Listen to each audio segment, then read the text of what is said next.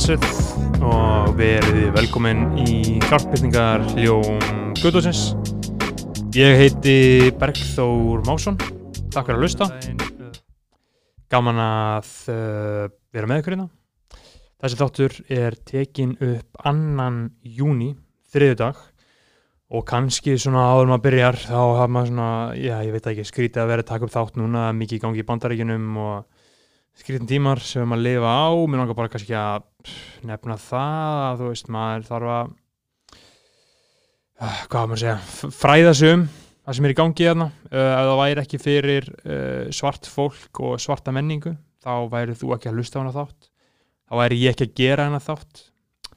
Þá væri ég bara að gera eitthvað allt annað í lífinu. Það sem að rapptónlist hefur svona influensað mitt hvert einasta skref uh, og bara haft ómótstæðileg áhrif á mig og algjörlega umturna lífi mínu. Og þetta er tónlist og kultúr sem að uh, svona rís upp úr þjáningu, þjáningu og kúun svartra bandaríkjamanna. Og það er bara mjög mikilvægt að við sem Íslendingar uh, séum meðvituð um það og gerum okkar besta til þess að berjast fyrir réttindum þeirra sem að minna mega sín. Um, sko ég er náttúrulega ekki með einn svör hvað maður á að gera nákvæmlega en eitt svoleiðis en ég get bent hlustundum á til dæmis að uh, horfa á heimildamindina The 13th sem að er um fangilsiskerfið í bandaríkinum og hvernig það er engarækið og fokking viðbjóðslegt síðan líka plaðanvarpserían uh, 1619, 1619 sem að talar um bara uppbyggingu bandaríkina og hvernig bandaríkin eru byggð á þrælahaldi. When They See Us á Netflix uh, það er góð, góð, góð, góð þættir um Central Park 5 ég mitt hitti hann Corey Weiss sem er í þættinum í Harlem síðast. Síðasta haust þegar ég var þar það kemur málun ekki við en það var stemming. Uh, gaman að sjá gaman að sjá hann uh, Dear White People á Netflix líka. Það er, þú, það er ekkert spes þáttur en það er samt svona það, það fer yfir þessi, það fer yfir þessi atriði og allt svona. Og svo ég bara hlusta á rap. Hlusta bara á gott rap og virkilega kunna kunna meta rapptónlist fyrir það sem hún er og vita hvaðan hún kom og allt í kringum það já eins og ég og, og ef, ef þið hafið tök á því að gefa pening það er þetta að finna alls konar linka í alls konar allt þetta e, í alls konar sjóði og stofnanir sem að e, hjálpa í þessari réttnabáratu og eins og ég segi þá er ég að taka þetta upp núna 6 dögum áður en þetta kemur út og ég veit ekkert hver staðan verður. Ég vil bara hvetja fólk til þess að kynna sér þessi mál, hvernig er alls mér og hvernig hann er á Ís Íslandi. Mótmæla uh, viðbjóslu útlendingalögunum sem að eru einna, sem eru hér á Íslandi hvernig við uh, lokum landamærunum hvernig svona hvernig dómsmálaráðanetið kemur fram við flótafólk hvernig löggan sækjur þau í skjólin nætur alls konar svona. Uh, já. Ég ætla ekki að hafa, hafa þetta mikið lengra um þetta ég bara hveti alltaf til að tjekka á þessu. En núna aftur á þættinum aftur á þættinum uh, Joey Christ, Jóhann Kristoffer Stefánsson hinn eini sanni er viðmælandi vikunar viðmælandi mánarins virkilega gaman að fá hann kann virkilega meta hann sem fjöllistamann og bara sem bara karakter í, í mínu lífi, ég get alltaf bara að tala við hann um hvað sem er og þakkláttur að þakkláttur að hafa fengið hann spjall og þakkláttur fyrir að eiga hann bara sem vinn um, en ég get ekki verið að gera hann þátt ef það væri ekki fyrir styrtaraðilan og það er hambúrgara staðurinn Júsú á hverfiskötu 40 og fjögur. Júsú er með besta vegan borgara á Íslandi. Það eru staðlendir uh, Portobello borgarinnar er líka fucking epic, síðan eru líka með alls konar meðlæti og alls konar veistlu ég mæli sterklega með því að fólk gerir sér ferð um helgi sérstaklega sko, það er fucking vibe í gangi hann svona á, það er svona smá svona djam stemming sko, fólk er líka að fá sér sér drikki og fá sér koktela fá sér alls konar meðlæti og alls konar svona stemmingu. Það er alltaf gott rapp í gangi í græjunum sko. uh, þeir sem hafa lust á eina þetta þeir vita það sko. síðast var að Big Pun. Uh, síðan hefur maður, sko ég, ég var líka var, var það um daginn og þau voru að spila eitthvað eldgamall FL lag, fór gott henni lórs uh, Diddi fel að rappa, þú veist. Hvar annar staðar á Íslandi á annar staðar en á Júsú eða á Prikinu ert að fara að komast í þessa veislu, þú veist. Þetta, þessi staðar eru mikilvægir, það er mikilvægt að þetta sé. Ég veit alla til þess að tjekka á Júsú á hverfisgötu 40 og 4 episkir hambúrgarar, episk stemming. En ég held að við getum nú bara farið yfir í þáttinn. Uh, Joey Christ, helviti góður á því og síðan langaði mig líka til þess að benda hlustundum á það að það er Spotify playlisti sem heitir Kraftbyrtingar hljómar Guðdónsins það ég er svona reglulega uppfæran hér og þar þegar ég manetti, bæti við lögum þegar ég manetti uh, það er að geta hlustundur kynnt sér fullkomna ræftónlist að mínum mati. Um, já, ég held ég þurfa nú ekki að hafa þetta mikið lengra. Ég held ég sk- við skellum okkur bara yfir í viðtalið mitt við Joey Christ bara takk fyrir að hlusta og njótið Blessaði mestari, Sælir, hvað segir þið? ég er bara mjög góður sko, með góðan dag Já, hvað er búin að gera? Ég vaknaði, uh, fór í rektina fór í sánu, fór í sund kom inga á fund, nýri út af hundræðin Mm. horfði á uh, fyrsta kött af þætti sem við erum að gera fyrir stöðfu Veistla? Uh, sem, já, kemur í sjónvarpið síðasta fyrsta dag, þegar þetta kemur út. Mm -hmm. og svo fór ég heim beð með mat, ríksóði, fór upp með hundin og hingað er ég komin Busy maður. Já, þetta er alltaf svona. Nú að gera. Já, nóg að gera sko. Hvernig, hvernig er það? Hvernig er að lifa lífið það sem að veist, það er alltaf fókum mikið að gera? Uh, Það er allir bara eins og maður leifið því að vera sko. Allir svona what you make it. Já. þannig Hver, Hversu oft hugsaður um að get out the game? Að drop it all. Það er nú alveg, ég hef alveg hugsað nokkuð sinnum sko. Þannig að ég var líka ekkert um að sagði þannig að uh, Bergur Rappi sagði ekkert um að við með bara að ég, ef ég held, ég áfram að gefa svona mikið af mér þá með ég verið komin í burnout fyrir 30 einmitt. Ég er að vera 28 núna eftir viku þannig að Það eru tvöður eftir. Tvö ára eftir. En Já. ég er svona, eitthvað ekki, ég, ég hef engar sérstakar ágjur á mér, sko, ég er svona orðin fyrir að góður að þekkja mig, hvernig mér líður hvað ég mm. þarf að gera og svona. Og þú veist, bara eitthvað svona er bara í heilu sambandi við mig og, og fólki í kringum mig. Og ég þarf allir svona mikla selfcare rútínu mm -hmm. þú veist, ég þarf að, ég huglega alltaf ég vakna og ég þarf að rækta ég þarf að vera sund og sánu þannig að svona það er einhvern veginn, maður getur alveg maður getur alveg jökla mörgum boltum ef maður bara er ekkert að einbæta sér alltaf mikið, maður alveg að vera bara í, í flæðinu sko Hvað gerist ef að þú uh, klúrar útínu? Ef þú gerir þetta ekki? uh, þá verð ég oft kvíðin Mm.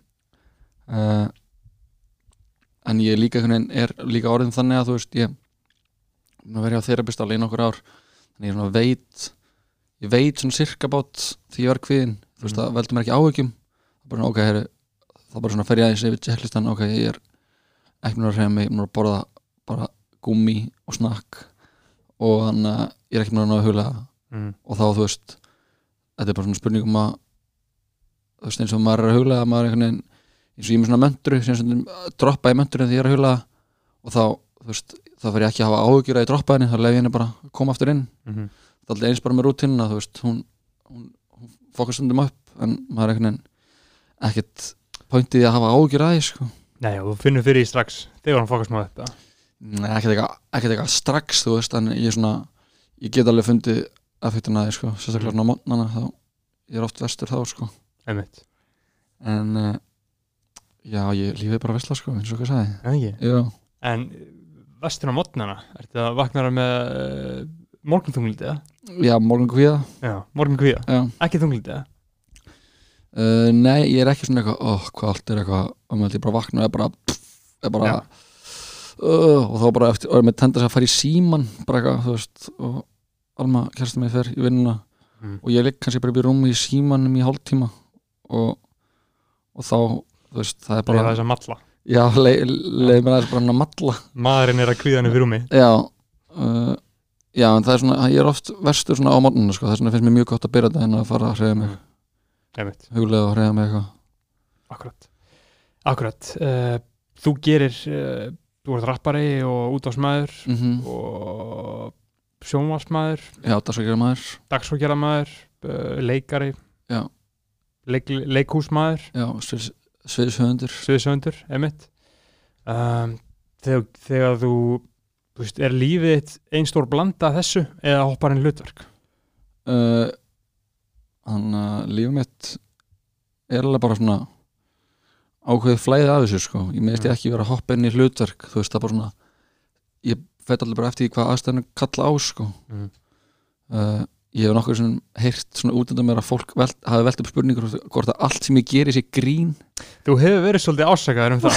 Já, ég er ásakar að það. Þeir eru mikið að uh, gríngera þig. Já, að ég sé Já. að, að þetta sé allt eitthvað grín sko. Mm. uh, þú veist ég meðast ekki kærnda best í, í, í læginu loka orða 22, rosalega fyndið en það er samt ekkert grín sko.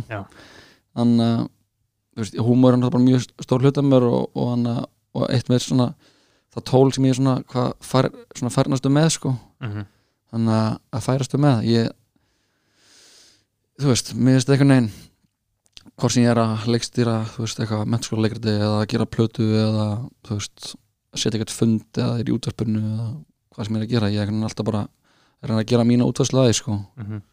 og ég er að reyna bara að vera svona sannur sjálfur mér sko. Um, að gera svona marga hluti það hefði þetta væri ekki mögulegt allir leið mér að fullir það mm uh, fyrir tíu árum. Nei. þá myndir eflaust vera boksaður inn -hmm. og þeir myndu mynd, þeir myndu ná að koma inn í hausina þér og getur ekki gert þessu emitt um, er það kann ég sem að hefur þessi áhrif á heiminn að þetta er normal eða hvað hva hefur haft áhrif, áhrif á þig með þetta? Já, þú veist, það er alveg nokkri svona nokkrir uh, einstaklingar eitthvað svona listamenn sem hafa, veitt mér innblástur í þessu sko. En síðan einhvern veginn líka bara hef ég eiginlega bara gert það líka bara sjálfur sko. Mm. þú veist, ég fór í listaháskólan því ég var búinn í, í MH, tók með pásu, fór til Suður Ameríku, eitthvað svona ferðaðist. Og síðan fór ég í listaháskólan, síðan bara sleisast ég út í það að fara að gera tónlist. Og einhvern veginn ég held að það sem hafi gert mér þetta kleift er bara einhvern veginn að ég var aldrei að lítum öxl einhvern veginn, ég var aldrei eitthvað svona að ég var nú að gera þetta um daginn eða kannski alltaf skrítið þess að gera þetta núna Mm. þú veist, mér finnst það einhvern veginn bara ekki vera relevant það var alltaf bara on to the next one basically sko og þú veist, Mhm. og jú, náttúrulega kann ég bara minn upp á sestamæður og þú veist ég vil líka alltaf dýrka Chloe Sevigny sem er, þú veist, leikona og svona tískufrömmuður og, mm -hmm. og, og svona fólk sem er að vinna mörgum einhvern veginn mörgum plönum. Uh, mér finnst það bara að vera geggja og mér finnst það algjörlega að vera einhvern veginn svona mér finnst það ég er mjög ánæður og ánæður, þú veist hann að þakkláttu fyrir að geta unnið svona sko Mm -hmm. af því að það eru sumir sem bara veist, verða bara að einbreyta sér einhver einu einu þú veist, og auðvitað er það náttúrulega þetta dæmi, ég spurt mér bara ætti ég núna að droppa öllu, fara in í þetta og gera þetta ógislega vel þú veist, og velti fyrir mér hvort að ég sé að gæti verið að gera hlutina betur Mm. en og eftir svona eins og því ég var að klára plötuna mína sem ég er að gera núna, þú veist, ég er bara eitthvað, ok, nú verð ég bara að fara að gera bara tónlist, vera að vinna í henni allan tíman, þú veist, bara, bara heilt ár bara tónlist síðan einhvern veginn, þú veist hef ég aldrei tíma fyrir það þú veist, og líka bara einhvern veginn, mér finnst ég alveg ekki að koma inn í sónið, þú veist, ég bara fer og gera eitthvað og ger ég það bara og ég er bara hægt að spána öðru, þú veist. Og síðan bara fyrir að gera eitthvað annað og næja að gera það sama þar. Mm. og mér finnst það ekkert koma niður á neina sem ég geri, hvað ég er einhvern veginn að jökla mörgum boltum, sko, mér finnst það mér finnst það bara frekar epist hvað er þarna hvaða verkefni eða hvað hefur gert sem að er búið að fara svona mesta skipulagningin í eða mest fram í tíman mest eitthvað planað. Já. Þú veist, hefur verið að hugsa um eitthvað í meir en ár? Uh, að því að þú svona, maður mað getur gert ráð fyrir því að flest allt sem gerist, það bara einhvern veginn gerist. Og Mhm. svona á nokkrum mánuðum er að framkvæmt. Mhm, síðan bara næsta, skilju emitt uh, ég er náttúrulega bara útvarpið þú veist, Mm. mm. útvarp.1 og náttúrulega bara byggja þetta stúdíó hérna Þú veist, þetta voru svona svona mest, mest sem hefur farið mestar svona lengstu tímin í og mesta pælingan er í og mesta vinnan er oft stótt sem er svona eitthvað meira svona rekstra tengt og mm. til að skapa eitthvað svona aðeins stærra sæmingi sem fleiri geta komið að en einhvern veginn er svona mitt mín persónulega list og svona það sem ég það sem ég er að skapa það er oftast bara er, gerist í frekar miklu flæði og ég meina, Joey tvö var alveg tvö ár í bígerð en það var líka bara þegar ég hætti að vinna inn í miðinu og fór að gera þú veist, Mhm. stofn útastöðu og eitthvað drasl. Þannig að þú veist þannig að en ég er alveg svona núna byrjar að hugsa bara ok, þetta byrjar að bara svona secret adult, bara að hugsa bara ok setja hlut hugmyndir aftur í nakkan og veit bara ég ætla að gera þetta. Þetta er á næstu, á næstu árum þú veist, 5 upp í 10 ár er ég með bara eitthvað dót sem ég að vera búin að gera. Eitthvað sem þú vilt deila með hlustundum nei, ekki strax? Nei, þetta er bara svona fyrir mig. Já, það er líka, þú veist, það er líka vandamál sem ég að þú veist, maður gerir er, að- er að hann að maður gerir svo oft grikk með að alltaf eitthvað deila hlutum á snemma. Já. að því að þú veist, fyrir hvað eftir þá að gera það? Það er eitthvað að láta alltaf vita að þú veist að fara að gera eitthvað? Þú veist, mér finnst betra, betra bara að gera það sem kemur að ljós. Mm. að þú veist, láta alltaf verkinn tala frekar. Já. að því að að því að um leiðum maður er búin að segja eitthvað svona, já, ég ætla, ég ætla að gera þetta og síðan einhvern veginn er ekki tími liðin og var einhvern veginn, þú ætlaði þú ekki að gera þetta? Þá var maður eitthvað, "Uh, jú, þannig að ég var eitthvað upptekinn eða þú veist já, ekki svona, það, ég veit það er svona það er bara, það er bara pointless sko. En síðan er líka, ef þú talar ekki um það þá fara ekkert feedback á það. Og til Mm. dæmis bara eitthvað þarna, það- kannski er einhver sem ó já, ég er nokkur ekki rétt það líka. Mm -hmm. Þetta getur verið bæði, sko algjörlega, nei, ég tala um allar svona hugmyndir bara við vinnum mín og fjölskyldu, þú veist, Mhm. fólk sem ég vinn með og, og, hann, og á í stöðu samtali um allar mínu hugmyndir við, ég er bara mjög góð að fólk sem ég get Mhm. bánsað af og, og fólk sem er, þú veist, á alls konar stöðum í lífinu, sko, bæði bara jafnaldri mínir, fólk sem er yngra, fólk sem er eldra þannig að, þú veist þetta er meira bara svona eitthvað að fara að tilkynna einhverju podcasti eða fara, ok. einhverju frétta, vera bara í fréttablaðinu bara eitthvað, ég ætla að gera þetta.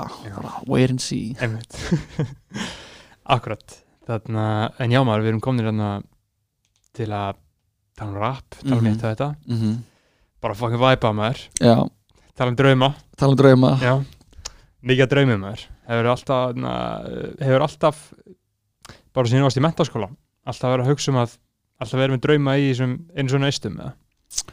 Uh, Ég veit ekki alveg sko. Ég, ég var, þú veist ég ætla, ætla aldrei út í tónlist veist, það gerast eða bara svona fyrir töljulegin mm -hmm. uh, ég ætla alltaf, ætla alltaf að vera leikari eða þú veist, og síðan hann að síðan kynntist ég þessari sviðsöndabraut sem ég fór á því við í MH, þannig að ákvað ég ætlaði að fara að hanga, ég var aldrei viss um hvað ég ætla að gera sko, af hverju fórstu í það frekar en uh, leikarafröð að því að ég alltaf, þú veist jú, það er alltaf einhverju draumar svona, en alltaf haft mjög mikið hugmyndum og verið svona mjög frjór sko. Mm. þannig að mér langaði einhvern veginn að fara í í höfundanám, einhvern nám þar sem ég er betri að tálka þú veist þann penna sko, þann þú veist eitt af Mhm. þann blíjant að einhvern veginn að- geta tekið einhverja hugmynd sem ég er með og bara búið til feril fyrir hana og fyllt henni alveg til enda bara, og gefa, gefa hana sem frá mér Einmitt. sem ég, ég er bara ótrúlega þakklútur fyrir að hafa fyrir þetta náma að minna, ef ég bara lítið baka þá er bara ótrúlega mikið dótið sem maður hefur náð að gera á, á stundum tíma þannig sé sko. Þetta er stöðu tími sko. Já, þetta er ótrúlega stundum tími sko. Þetta er þrjú ár.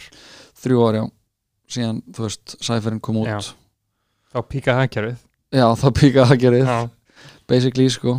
Og þannig að þetta, er, eru bara þrjú ár. Mm hvað heldur að gera þetta næstu þreymur árum uh, þú veist það mun ábygglega bara allt breytast sko Mm. þú veist, það, tíminn einhvern veginn er svo ótrúlega skrítin og, og hvernig hann líður er ennþá skrítnara sko mm -hmm. þannig að næstu þreymur árum þú veist, það verður ábygglega bara fleiri verkefni þú veist, lífi breytist þannig að ég er bara fullorinn á- meiri ábyrð uh, bara meiri, þú veist lífsamingja og svona einhvern veginn bara setast betur og betur í þennan stól sko Mhm. sem maður veginn situr í hva, Já. hvað sem hann er staðsöldur hverju sinni sko. Um, en námið uh, Suðsandabröð já, þannig að hvað finnst þér að hafa lært annað en að framkvæma hugmyndir og gera þér sko, minn svona stærsti lærtumur í á þessari braut var bara að þú veist, það sem mér finnst að það sé valið.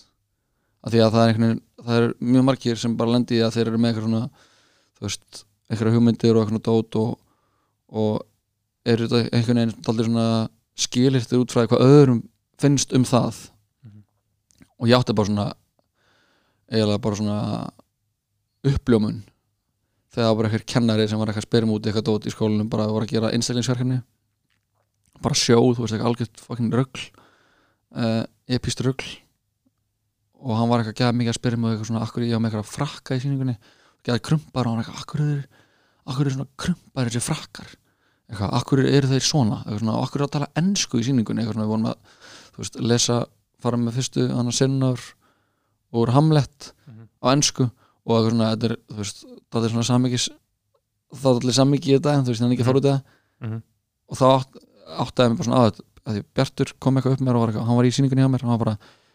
að, að veist, það skiptir ekki máli með þess að frakka hvernig þeir eru, þú veist, hvort þessi krumpar eða ekki bara, það skiptir eitthvað máli, bara haltu bara áfram.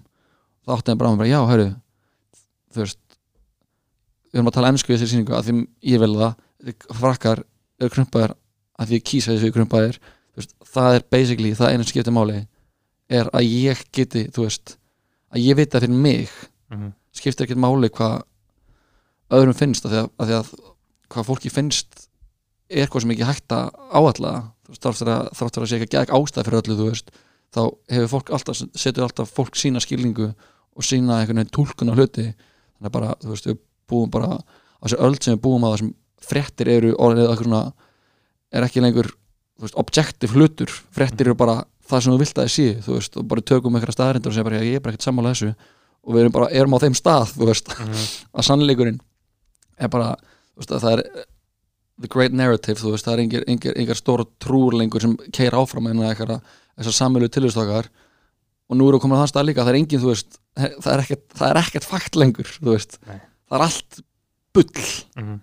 þannig að þú veist það sem ég læriði það bara, og mér þakklandi fyrir það bara, bara, ég hafi treysta sjálflega þú veist, þú ert sá eini sem Mhm. þú munt vera að setja upp með alla æfi, þú veist og þannig að ef þetta er nóg gott fyrir þig þá, þú veist treystu á það, sko. Og þá með fólk fíla það. ef ekki, e, e, já, ekkert, þú veist, ég reyktu þess að, sko Ná. hvernig heldur þau að af hverju heldur að fólk fíla hluti? Almenningur, bara svona meira hluti mannkins, Hvað- uh, hvernig heldur að meira hluti mannkinsins myndir sér skoðanir á hlutum?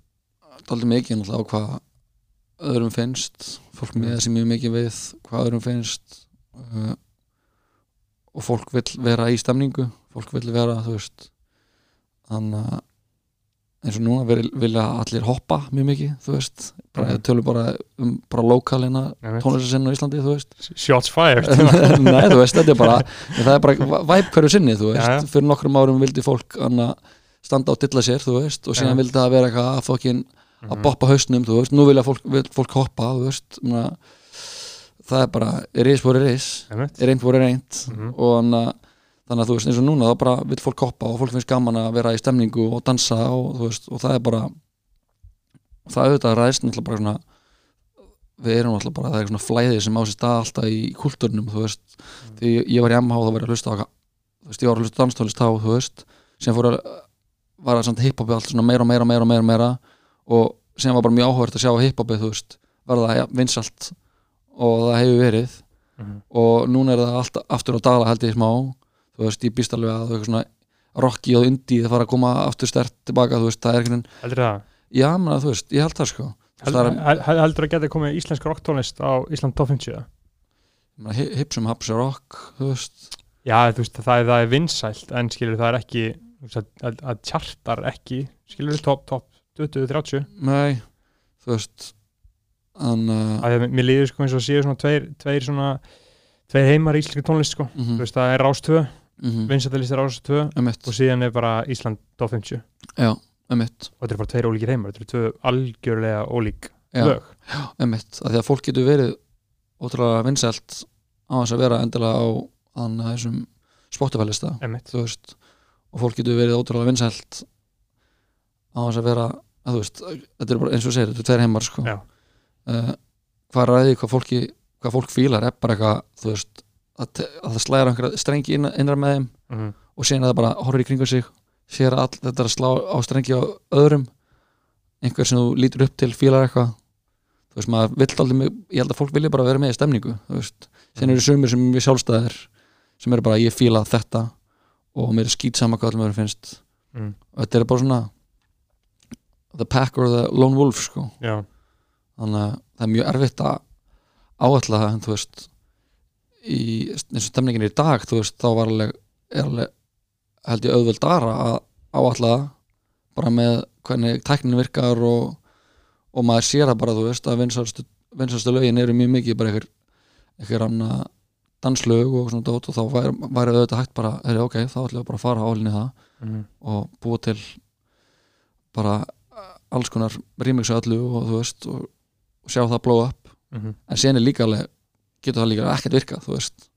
Þú sýnir líka náttúrulega bara eins og Birgir Hákon. Mm -hmm. chartar nummer eitt, já, Block Baby. Já, ég er svo fokkin ánægð með það sko. Í kjafti. Haldi kjafti, já, ég meina það er bara ekki sannleikur hana, þú veist, þetta er bara þetta er bara authentic, þetta er bara alvöru. Mm. og þannig og það skín líka alltaf gegn sko. Já. sama hvað hana, hvernig við erum sko, þá held ég að eitthvað sannleikur og svona dót sem er bara real það, og líka þú veist, real með production value, eða þú Já. með dót sem soundar vel, það er fucking, það er fjett og það er ekki fake þá hann að þú veist, það ertu komin búin að vinna hálfan sigurinn sko, hálf baráttan unnin síðan alltaf bara er spurning með eitthvað vinsællir, þú veist, það er alltaf bara vinsællir, er, þetta er svona daldi mikið bara það sem við vilt að þið séu sko, mm. einhvern veginn að vera frægur og vinsæll ég held að, að þú veist, það er, það er ekkert eitthvað það besta heimeldi sko Nei. hvernig, hvernig, hvernig við séð það hvernig er að þú veist, ég eins og ég segja, þú veist, munurinn á mér einhvern veginn þegar ég er í útvarpinu eða þegar ég er einhvers staðar að spila fyrir eitthvað, þú veist, ég er bara pretty much eins Mm. þú veist, og kannski er það kannski ætti ég að vera með eitthvað meiri skjöld á mér kannski, þú veist, auðvitað fer maður í aðeins meiri mót, þú veist, eins og sérstaklega þegar maður er einhvers staðar í miklu margmenni, ef maður er á solstis eða eitthvað svona stöðum þar sem er bara sem bara, hann að kaos í gangi, þú veist, og auðvitað er maður svona aðeins meira bara, uh, ok, let's do this Já. upp með hettuna bara glerun á og bara og taldi svona að móta sig þú veist, en ef ég fer og er að spila okkur grunnskólaball einhvers staðar þá mæti ég bara, hei, bara, hei, krakka, hvað segir gott? Bara, þú veist, ég er bara eins og ég vinn í félagsmyndstöðinni þú veist, Mm. þannig að einhvern veginn að vera eitthvað þekktur, þú veist, að ég átilega er með að segja hvernig það er því ég meðist ég einhvern veginn ekkit vera vera neitt eitthvað öðru sem ég var, sko. Nei. þannig að nema einhverju aðeins fleiri þekkja þekkja andlitið og nafnið eða þú veist. Einmitt. Það hefur ekki áhrif á David líf eða þú veist, Nei, þannig sé ekki. Ég er líka ekkert það frægur sko. Nei. eða þú veist, ég er með, mitt Já. veist, ég, ég er með fólk sem fílar það sem ég er að gera þú veist. Mm. og hann og tón, þú veist, í þessu tónlistadæmi þú veist, það er hann er alveg einhver hópur og fólk veit alveg þú veist, en hann þú veist, þú ert ekki búin að ná F957 nei, ég veit ekki hvort að ég náði tíma sko. Nei. hel, hel, uh, heldur þú að, að, að því að mér er einmitt áhugaverð sko að ná, ná því Mhm. fattarðu? mm hvað heldur að myndið þurfa að gerast til þess að myndið ná því heldur að myndið bara aldrei ná því út af því að þú ert svona, þú veist bara eitthvað svona vinstri sinnaður. Svona með, með skoðanir skilur einmitt. Og svona uh, uh, 101 gaur skilur mm -hmm. uh, mena, ég, er, ég er náttúrulega ég er að vinna við erum náttúrulega í miklu samstarfi við sín og mena, ég var í bara viðtalið við FM daginn með mm. mm, sjónvarstótt sem ég er að gera þú veist og þannig að þannig að þú veist e- einhver, einhver angles er alveg komin hann inn sko. Já, en þú veist tónlistin sem ég er að gera ég held að hún sé ekkert á leiðina þá gæn sko. Þú veist ég gerði náttúrulega algjörð FM laginu sinni þú veist. Mm, þannig að helgafrí þannig með Johnny þannig náttúrulega bara Ja. algjör FM slagari þú veist. Mm, en þannig að það fór ekki í, það fór ekki í spilunar út af einhverju pólitík bara. Einmitt, út af því uh, ég ætla einmitt að spyrja það því að náttúrulega F957 og Exit 977 Já. og allar útastöðar hata ykkur. Út af því að þið uh, fóru í beina samkynum með það, við þá og, uh, og stopnu útastöð mm og þetta hefur sést til dæmis að það er ekki mikil spilun á tónlistinni. Sem kemur hérna Já, sem kemur nei, en það, það er Og- svona er, er held ég að Já, þetta er kannski skána. Já, og, og náttúrulega líka uh, tilnefninga til hlustendafælununa mm fólk var svívirt hann þar. Já, já, og það voru kenningar uppi uh, um svona hitta þetta. Uh, heldur að segja til í þessu? Að þau svona þú veist sé ekki alveg að sé smá, smá gaman að segja, ekki- Ab- ekki down with it. Já, þú veist, ég veit það ekki, maður veit ekki hvað skal segja sko, þú veist, ég held að þau ég veit ekki, það er einhvern veginn þau eru bara með sér dæmi í gangi mm og það er búið í gangi til lengi og það gengur ágætlega þú veist, og kannski sjá þau bara ekki til að, til að vera eitthvað að rugga báttum eitthvað, þau eru bara alveg mikið með sitt dæmi í gangi þú veist, annað dæmi í gangi hérna, annað mm. actionu þú veist, þannig að ég veit ekki, það er alveg aldrei erfitt alltaf að ná til allra. Mhm. ég held að sé, bara, það er, það er ekki hægt að ná til allra. Hver, hver, hver, hver heldur að náði mest til allra? Á uh, Íslandi? Ekki þannig að vera rappari. Eru þið talað um þetta blöð eða? Nei. Ég Ég blöða náttúrulega nættilega Ég held að, ég held að steindi nábækla til flestra. Já, ég er að hugsa einhver að því þeir eru náttúrulega vini Gils báðir sko og þá köttaður út stórun hóp bara fyrir vinir hans Já, en ég held að steindi sé með svo mikið eitthvað svona annað affiliation hann er líka bara svo mikill common man, þú veist, Já. hann er svo mikill eitthvað Alþýðu King sko. alþjóðu king, hann er Já. sem, sem í íslenski spædermann sko. shoppahangar í Mosó sem meika það Já, sko. þú veist þannig að ég held að það sé ykkur að þannig síðan náttúrulega bara, þú veist Bubbi Mortens Bubbi náttúrulega er fullkomið listamæður þú veist, Mhm. hann er hann að hann er, hann er toppurinn á Íslandi sko. Já. spyr mig. Uh, það er nú, já þú veist hann er eitthvað, ég veit það, ég veit það ekki alveg Steind, Steindi, Bubbi. Já, hann að, Björk. Nei, nei alls ekki sko. Uh, Kata Jak já. Agnes Já. Biskup. Nei, ég veit það ekki. Þú veist, fólk fíla bara mismöndi fíla fólk kannski svona bits af einhverju síðan, þú veist, fíla eitthvað smá með eitthvað en þólan samt ekki líka, þú veist, þetta er líka mm -hmm. allt spurning um pólitík, þú veist, þú vilt ekki ég ætla ekki að gefa þessum manna sér átt, ég ætla ekki að setja þetta í stóri ég ætla ekki að gera þetta, Mhm. út af því ég veit að þú veist, þá er ég einhvern veginn, svo ég sé einhvern veginn svona eða hins einn, þú veist, Mhm. fólk spáir svo mikið í alls konar, þú veist og maður kemst eða ekki hjá því að gera það því að þú veist, við Einmitt. búum einhvern veginn bara í þannig landslægi að að maður vill vera góður, maður vill vera ofgóður. Hugsað þú einhvern veginn um að þú veist þegar þið kannski uh, langar til þess að, ég veit það ekki, svífið á slöðurnu eða eitthvað, Mhm. skilur mm. að mun einhvern veginn koma niður að þér setna, að þú munir missa einhver tækifæri út af því að þú sagðir einhvað og einhver starfsmáður í þessu ráðunendi verður síðan í þessari vinnu og síðan mun hann ekki bóka þig á þetta Já, ég er bara ég, ég er aldrei bókaðar á reynar svona, svona stóra svona ásóttíðir eða eitthvað svona eitthvað, hjá einhverjum- einhverjum einhverjum mann að ráðunitum eða eitthvað Nei. en ég er líka svona þú veist, er all, ég er líka alltaf bara að reyna að bæta sjálfum mig í að þú veist þannig að- ég þarf ekki að hrópa allt þú veist eins og bara áslega orna hún þú veist innrækisræðara þú veist bara með eitthvað ég auðvendan ekki þú veist að vera eitthvað að sjá um innrækisræðandið ég held að það sé fokkin umlegt þú veist. Ég held að það sé verst að vinna í alheiminum og þú veist eitthvað neginn, eitthvað ekki að vera alltaf að persónu gera allt þú veist, það eitthvað neginn er ekkert sérstaklega mörgum til bóta þú veist, auðvitað er þetta að benda fólki á hvað er að gera betur og hvar hlutir eru skakkir og hvað eru beinir og eitthvað, en þú veist, að vera alltaf eitthvað herru, þú ert vandamálið hérna, bara eitthvað Mm. það er bara greinilega komið í ljós bara í heiminum í dag bara eins og við erum að sjá bara bandrækjunum bara núna í síðustu viku, það er bara mjög djúbstæður kerfislega vandi, þú veist, í Mhm. hvernig kapitalismin hefur byggt upp samfélagi og það er ekkert eitthvað að segja bara að sé eitthvað einum eða tveimur að kenna, þú veist nei, nei. það er bara hvernig við lítum á þú veist, samfélagið, hvernig við lítum á hvað lífið er, hvað réttlætið er.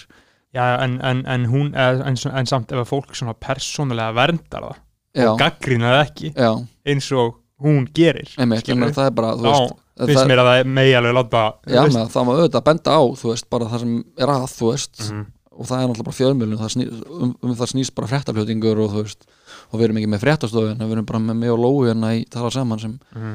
Sem erum bara að gangandi gasklegar, þú veist. Mhm. uh, en veit ekki, þú veist, það er náttúrulega bara meirlut í þjóðurinn að kýsa alltaf sjálfsæðarflokkin, þú veist, og það er náttúrulega bara það er náttúrulega bara vandamálið, þú veist. Það þannig að það er bara að vera að miða inn á einstaklingshyggju fólks, þú veist. Mhm. og þannig að, reyna að, pass, að láta fólki líði eins og það þurfa að passa upp á eitthvað, þú veist.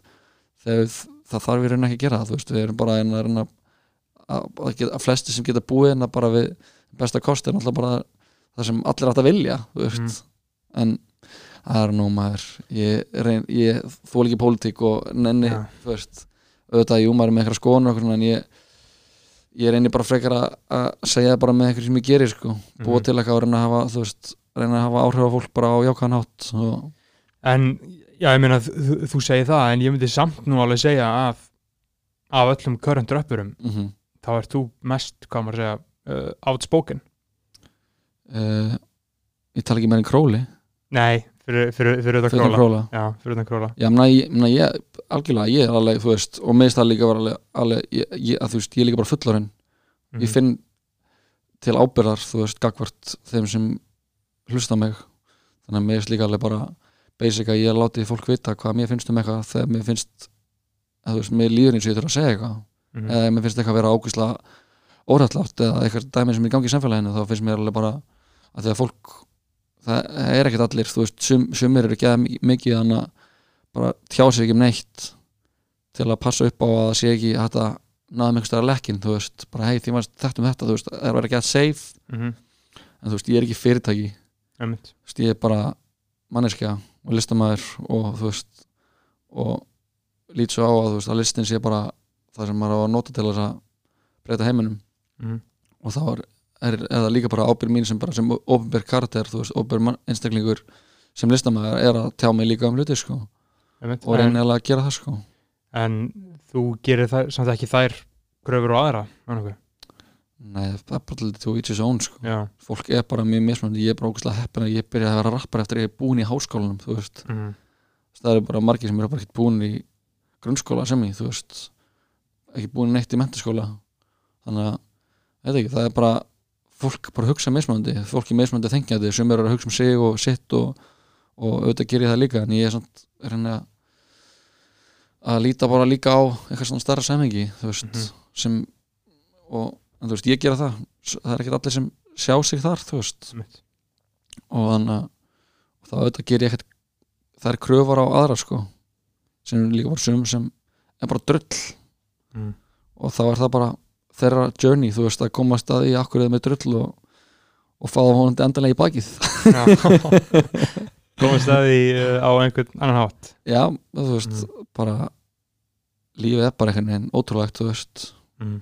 og þannig að mjög margir sem hafa verið að vinna að einhverju, þú veist, sig að einhverjum rosalegum auðæfum og vera að gera allt einhvern veginn, þú veist, það sem að vinna þannig lífsgæða kaplöp og síðan einhvern veginn sita þeir oftast þessir kallmenn uppi bara fullarnir, ríkir og homingjusamir Mm. og ég held að sé veist, það er bara martröðu mín sko, að vera bara einmanna fullarinn kallmaður, 54 ára. Ógeðslega mikið peningum ömuleg tengsl, líða ömulega einmanna, þú veist, að vera bara einmanna fullorinn kall með ógeðslega mikið peningum, það, það, það bara sann, það bara er bara að debunka allt sem þú helst að ættir að vera að gera, þú veist. Mm -hmm.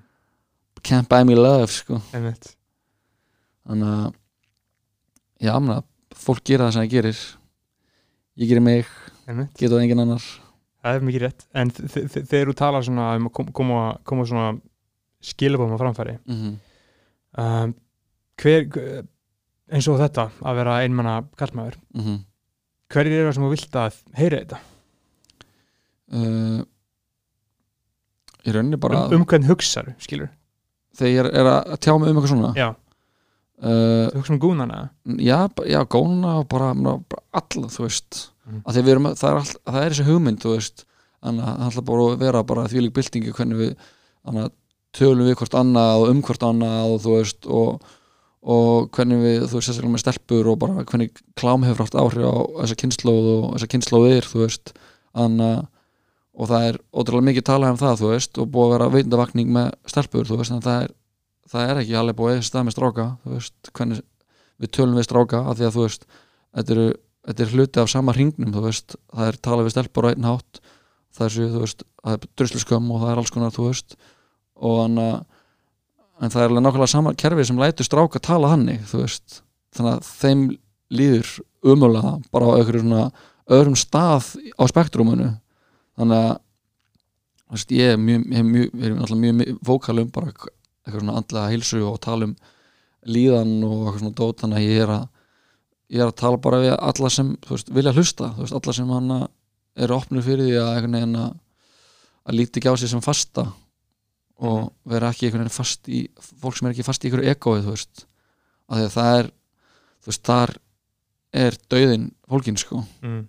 hann að að- það er náttúrulega kallmennur líður ótrúlega illa held ég mjög mikið. Þeim líður mjög illa. Og náttúrulega bara þið skoðanabræður þið eru náttúrulega bara þið eru það bara preaching to the choir þú veist. En þið eru hann að millennial male sideguest. Já þú veist.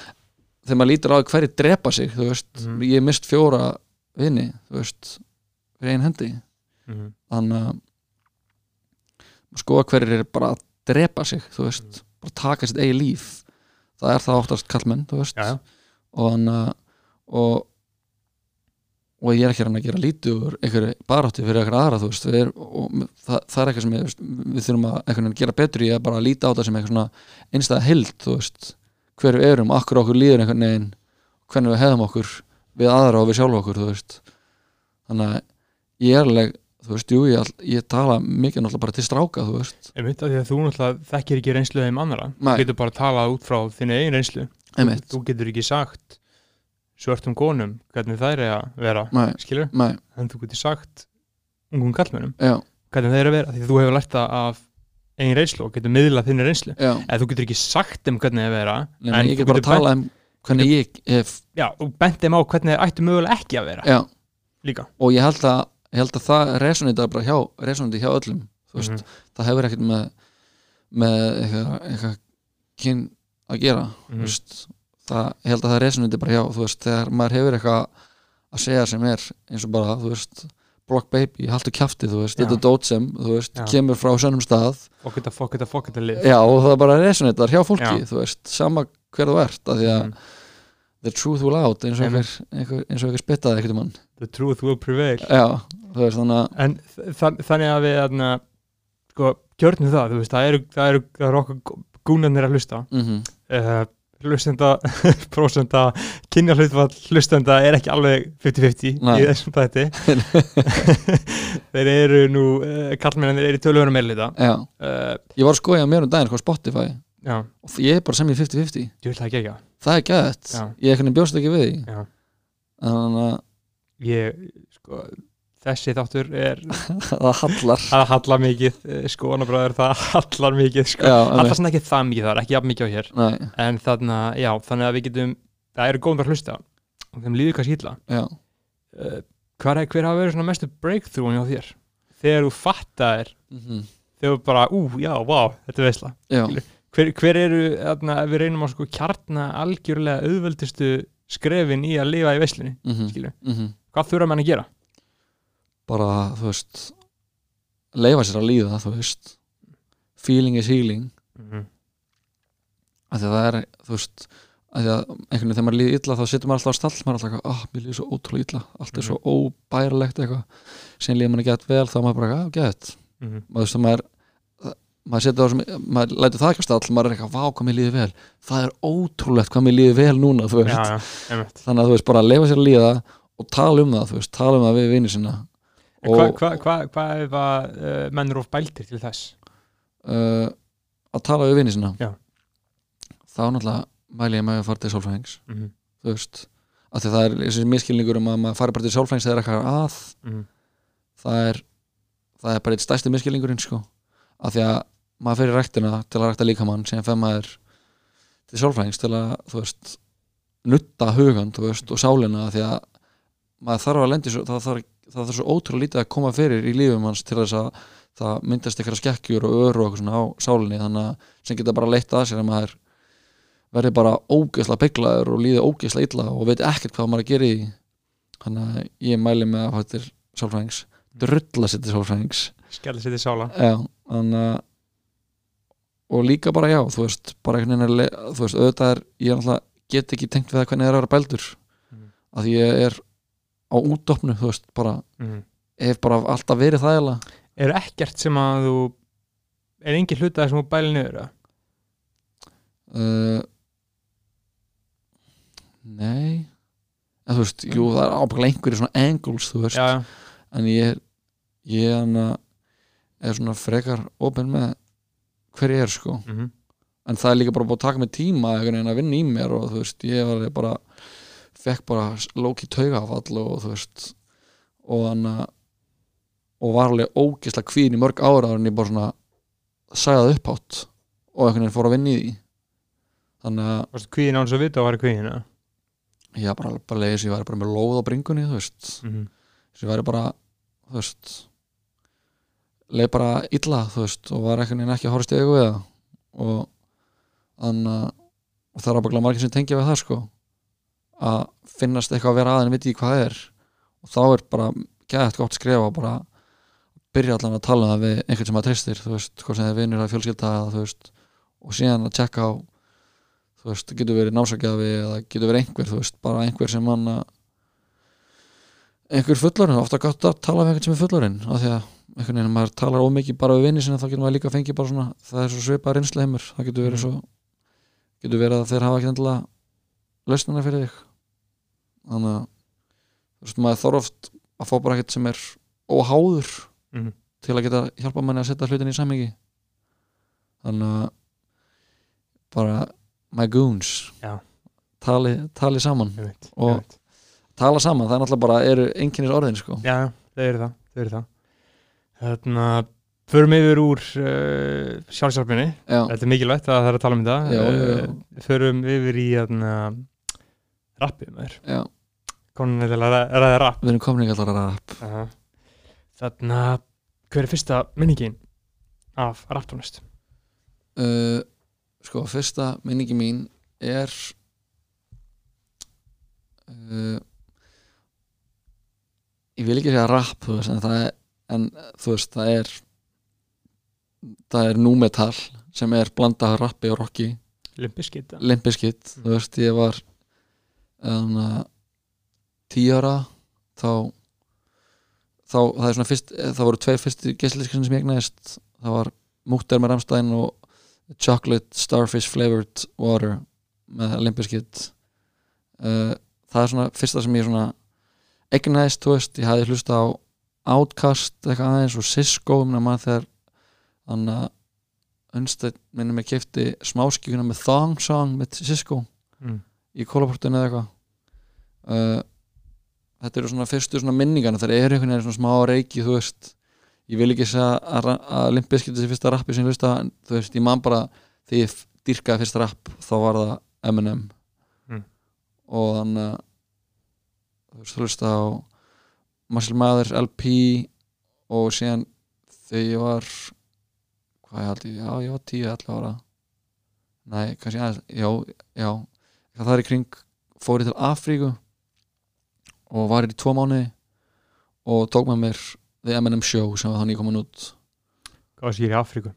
uh, stjúp, amma mín var að vinna í Rauðakrossunum og við fórum bara og vorum að veist, fórum með henn út um allt og þannig að kynntust ykkur svona hjálparstofnunum og hún var að vinna í Rauðakrossunum þannig að ég var svona bara eitthvað að ferðast basically, ég bara Mm. ótrúlega þakkláttur læra ennskuðar og þannig að Hva, hvað var í Afríku?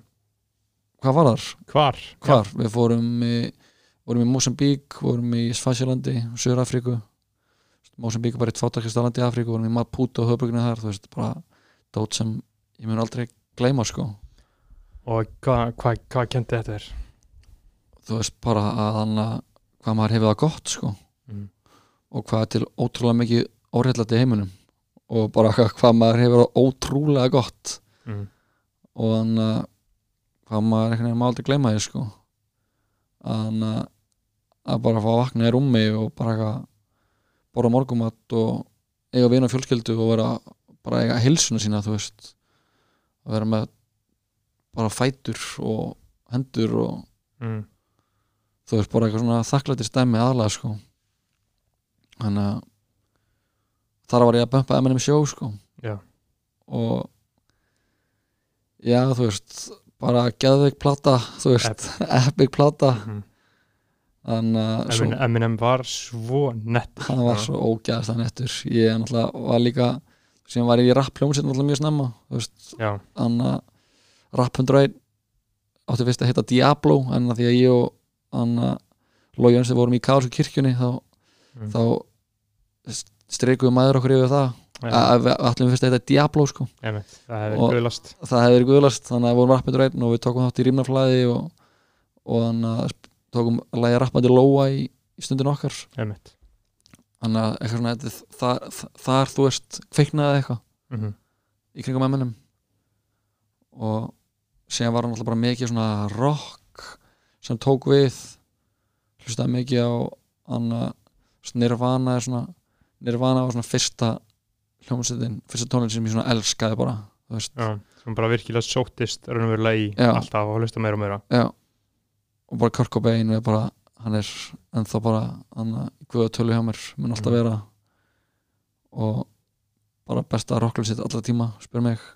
Mm og síðan var það eiginlega ekkert fyrir bara þú veist, í svona svona hlusta á M&M, þú veist. Síðan bara tók rock við, síðan einhvern veginn var ekkert fyrir í, þú veist, áttundabekka eða eitthvað ég byrjaði að hlusta aftur á rap. En þú veist, varst alltaf, var það bara gett basic að þú átti bara að hlusta tónlist? Varst alltaf bara að hlusta tónlist? Já, ég var alveg þú veist ég var alveg daldið mikið í tónlist alltaf sko Mm. uh, ekki mikið og ég hef verið þessi seinni tíð samt, þú veist mm.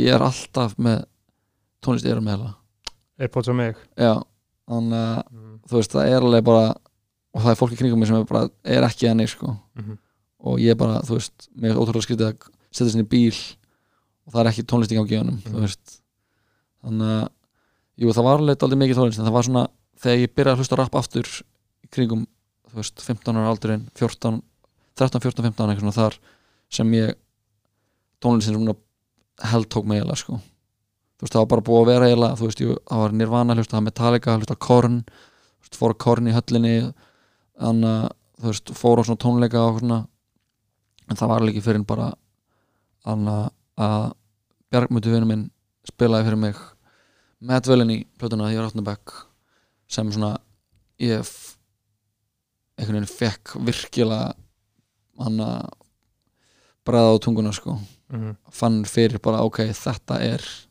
eitthvað dæmi hérna sem eru með fyrir framann okkur -hmm. og þá byrja ég mjög á, þakklútu fyrir að þú veist að, jú, ég er að hlusta á 50 líka þannig kringum M&M og eitthvað svona, en þú veist fyrsta svona raunverulega þú veist, sem ég fór að kynna mér var bara eitthvað Stones Throw og. Hlusta á hann að tók allt Stones Throw, hlusta á, þú veist J. Dilla hann að MF Doom hann Madlib, allt það dót og, og færði staðan, þú veist, yfir í hann Dela Soul, Tribal Quest þaðan yfir Wu-Tang og Nas og svona dót og mikið dót sem hann að fór mikið svona J. Dilla og mikið svona svona hringdork fyrir mig, þú veist, fór yfir það sem hann var að eitthvað svona. Þannig að þú veist, ég fekk þann skóla alveg bara bara beint í æð, þú veist. Og er þetta ekki þakkláttu fyrir það? ég er ótrúlega þakklútið fyrir það sko. Bara einhvern veginn að hafa þú veist, að geta sótt í þessar plötur og, og bara endan það í dag þú veist, á í dag. Já, bara, Já. Ég, þú veist, bara gera ennþá bara mjög mikið sko. Einmitt. og, hana, og náttúrulega líka bara að kynast þú veist.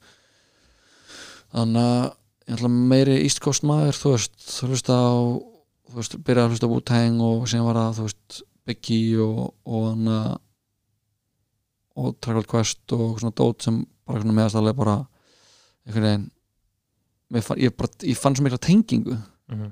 þú veist og síðan var það bara, þú veist, bara að vera að lappa að lappa bara í gennum Reykjavík bara með heyrndól, bara svona stór sennæsir heyrndól að mér að hlusta bara á veist, electric, electric Relaxation með Turtle Quest Mm. og svona það bara bjó bara til eitthvað svona lí- lífið mitt var bara bíómynd Mm.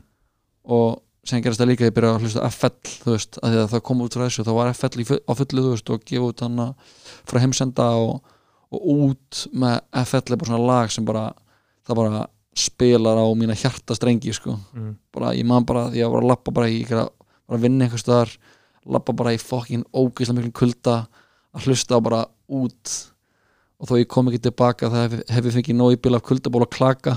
Og ég var bara eitthvað bara bro, bara hvað er það að gera þérna þú veist. Já. og síðan bara bjó logja mút intro og þú veist, og maður svona var svona að sjá þessi gauðra og og hann að og fór tónleika og þú veist og þetta var bara, þú veist mér, er alltaf liðið eins og líf mitt sé bara eitthvað fokkin bíómynd sko. Mm. og, og síðan eitthvað sein, á seinni árum hefur það bara staðfest fyrir mér hvað líf mitt er mikið bíómynd sko. Og þannig að þú veist, já ég er ógæslega þakkláttur fyrir það að því að ég þannig að það eru margir sem byrja bara að hlusta á veist, Poppið. Byrja bara að hlusta á poppið þannig að ég er ógæslega þakkláttur fyrir fólki í lífinu sem kynnti mig fyrir, eins og Bóas Hallgrímsson sem var að, vin, var að vinna í félagsmyndstinni á mér sem er söngur í hljómsveitinni Reykjavík. Hann uh, og bara fucking legend endalus verðing á hans nafn mm. hann spilaði bara fyrir mig hann The College Dropout þegar hún kom út ég var í 8. bekk það bara þessi pláta hennar, þessi gaur Kanye West og ég bara, já ok, cool like, að checka á henn, Mhm. þú veist, ég, ég datt ekki alveg inn í það, þú veist, ég fatt ekki alveg Champions sólið og Mm. þetta dæmið, þú veist en hann uh, en ég er ótrúlega þakkláttu fyrir bara allir sem kynntu mig fyrir tónlistinni sem ég hlusta á, sko Eru þá að tala um þá, svona 2004, 5, 6 uh, varstu að torrenta þetta? Hvernig varstu að fá tónlist? uh, Þú veist, hvern, hvernig jú, já, þú, það fór Þú, þú talar um að þú veist, varstu bara eitthvað download á J Dilla diskografi og Já, basically sko og síðan alltaf bara hann að já, það var bara eitthvað torrent og Mhm. hann að þú veist, hann alltaf var ekkert ég liði mjög lengi á hann að það var á, á að LimeWire 250 bestu hiphoplu allra tíma einmitt, hún hefur haft áhrif á marga sko. Já, þú veist, sá listi bara að hlusta að heyra þar líka bara eitthvað svona söðuríkja dót bara Goody Mob og Já, heyra alls konar dót sem ég var ekki, var ekki, inn í þessu circulationi. Var lægi með promo úr Loop Troop Nei, það, það var ekki því sko. Það var, það hafði rosalega áhrif mig sko. Já, ég fór að sjá hann og það er lúptur að koma hérna Já. sko. og, hann, að- og ég kynnti sem mikið um graffið að þú veist, ég byrjaði að graffa líka hana Mhm. áttunda bekk og þeir voru með, þú veist, það var maður var að horfa á einhvern graffvídeó frá Svít og það var eitthvað lúptur í gangi og Mhm. ég kom að spila á göknum og maður fór og, og prófum bara, byrjaði eitthvað slagsmál bara og hann bara if you're gonna fight, we're not gonna play Mm. og ég, bara, ég er svo oft lendið það eru slagsmálar sem ég er að spila ég er, þetta er það sem gerir alltaf sko alltaf ég hef bara verið Já. bara, hei þú fucking drullar að láta svona þú veist, þetta er svo mikill fundamental dæmi, sko, þú veist Mhm. þannig að að sé ekki við slagsmál þegar maður að spila, Nei, en ég er mjög þakkláttur fyrir að hafa fengið þetta náttúrulega bara skóli, veist að hlusta alltaf þessu tónlist og þannig að Mhm. þetta er bara einhvern veginn svona soundtrack æskuminnar, sko Mhm. og einmitt að mér okkur byrjaði þannig að það, það eru kannski menn að hlusta sko, þú talar um Mad Villainy mm -hmm. það er bara classic plata sem Mhm. allir hlustendur ætlu að kíkja á já, það uh, er MF Doom og Madlib já, saminast í Mad Villain mm á Spotify og MF Doom er með svona fjóra Spotify profæla eða eitthvað svo leis Já, einmitt. með, mismunandi dóti sko. En ég, ég, tengdi einmitt alltaf mest við, með Villainy sko. Af, öllu dótinu sko. Uh, og Stones Throw, það er plötu fyrirtæki mm hvað sem var J Dilla og Madlib og þú veist þarna voru alls konar eitthvað J-Lib og þú Já. veist að og þeir byggja alltaf plötur saman þar sem var eitthvað nýtt band, Madvelinni er MF Doom og Madlib J-Lib er J-Dilla og Madlib Quasimodo, það er Madlib að rappa með Pizza Rödd þú veist, það er, og síðan Peanut, epíst Peanut, sko. Peanut Butter Wolf og þú veist, alls konar, alls konar maður, Peanut Butter Wolf, ég hef ekki hugsað hann lengi já, þú veist, alls konar dót sem bara Já.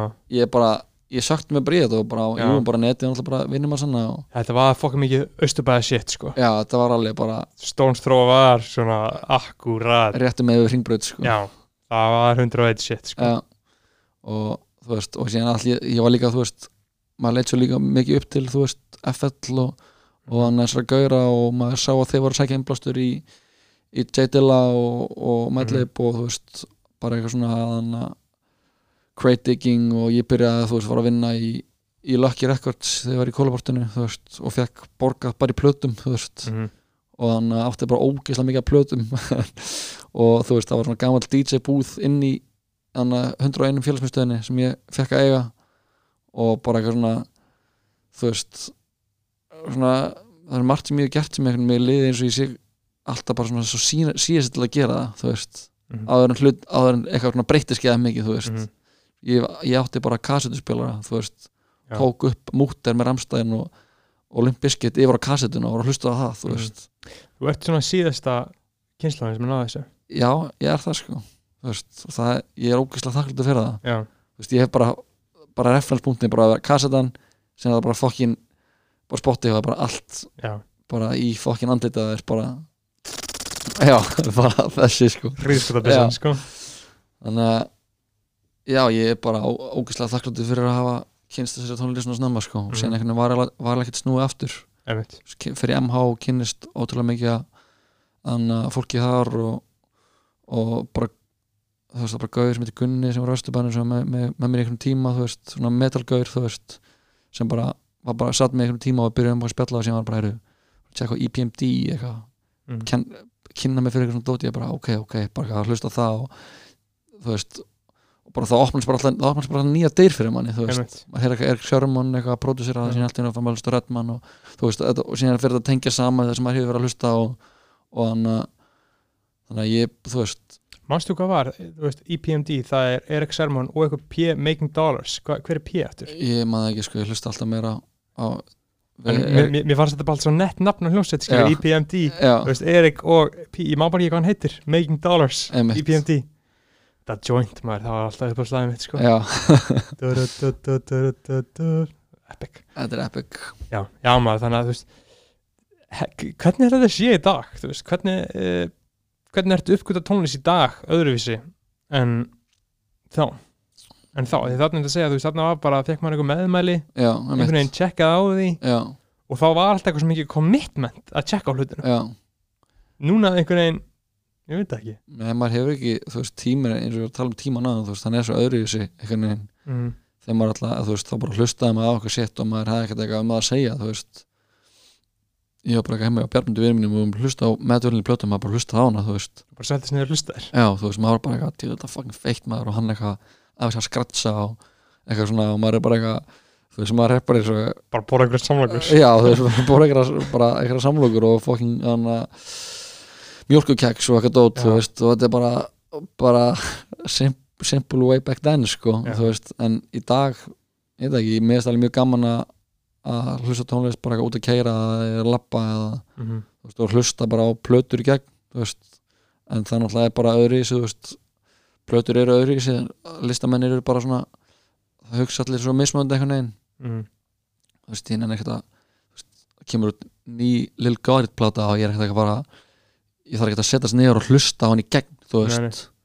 en það er alveg er alveg artistar sem eru að gera bara pieces þú veist, er að gera verk sem finnst- ég er mjög þakklútu fyrir, þú veist, ég er mjög mikill talsmaður plötunar sem bara listaverks Mm -hmm.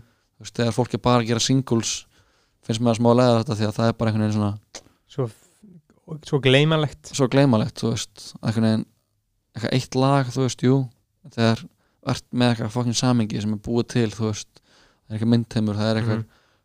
eitthvað svona upplöfun þú veist, og það er líka bara sem ég dyrka að gera, við að gera tónlist er að maður ég er að búa til tækifæri fólk til, að tækifæri fyrir fólk að eiga ykkur moment, þú veist. Mm bara eins og það var ekki þannig að heyrum daginn þannig að homið mig bara, heyru, ég var að daginn bara eitthvað þannig að lappa um í Svíþjóð og var að hlusta á Joey 2 og ég bara það var bara gæðat moment fyrir mig bara eitthvað, ég bara átti eitthvað moment, þú veist. -hmm.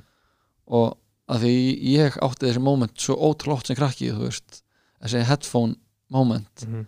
þannig að þú veist, ég, ég þannig að þú veist, var mjög ánægði með að ég spilaði þannig að spilaði Joey 2 fyrir Dóra Diana ekkert mann áður hún kom út og hann sagði bara gaur headphone masterpiece og ég Mhm. bara já, it is þú veist, Mm -hmm.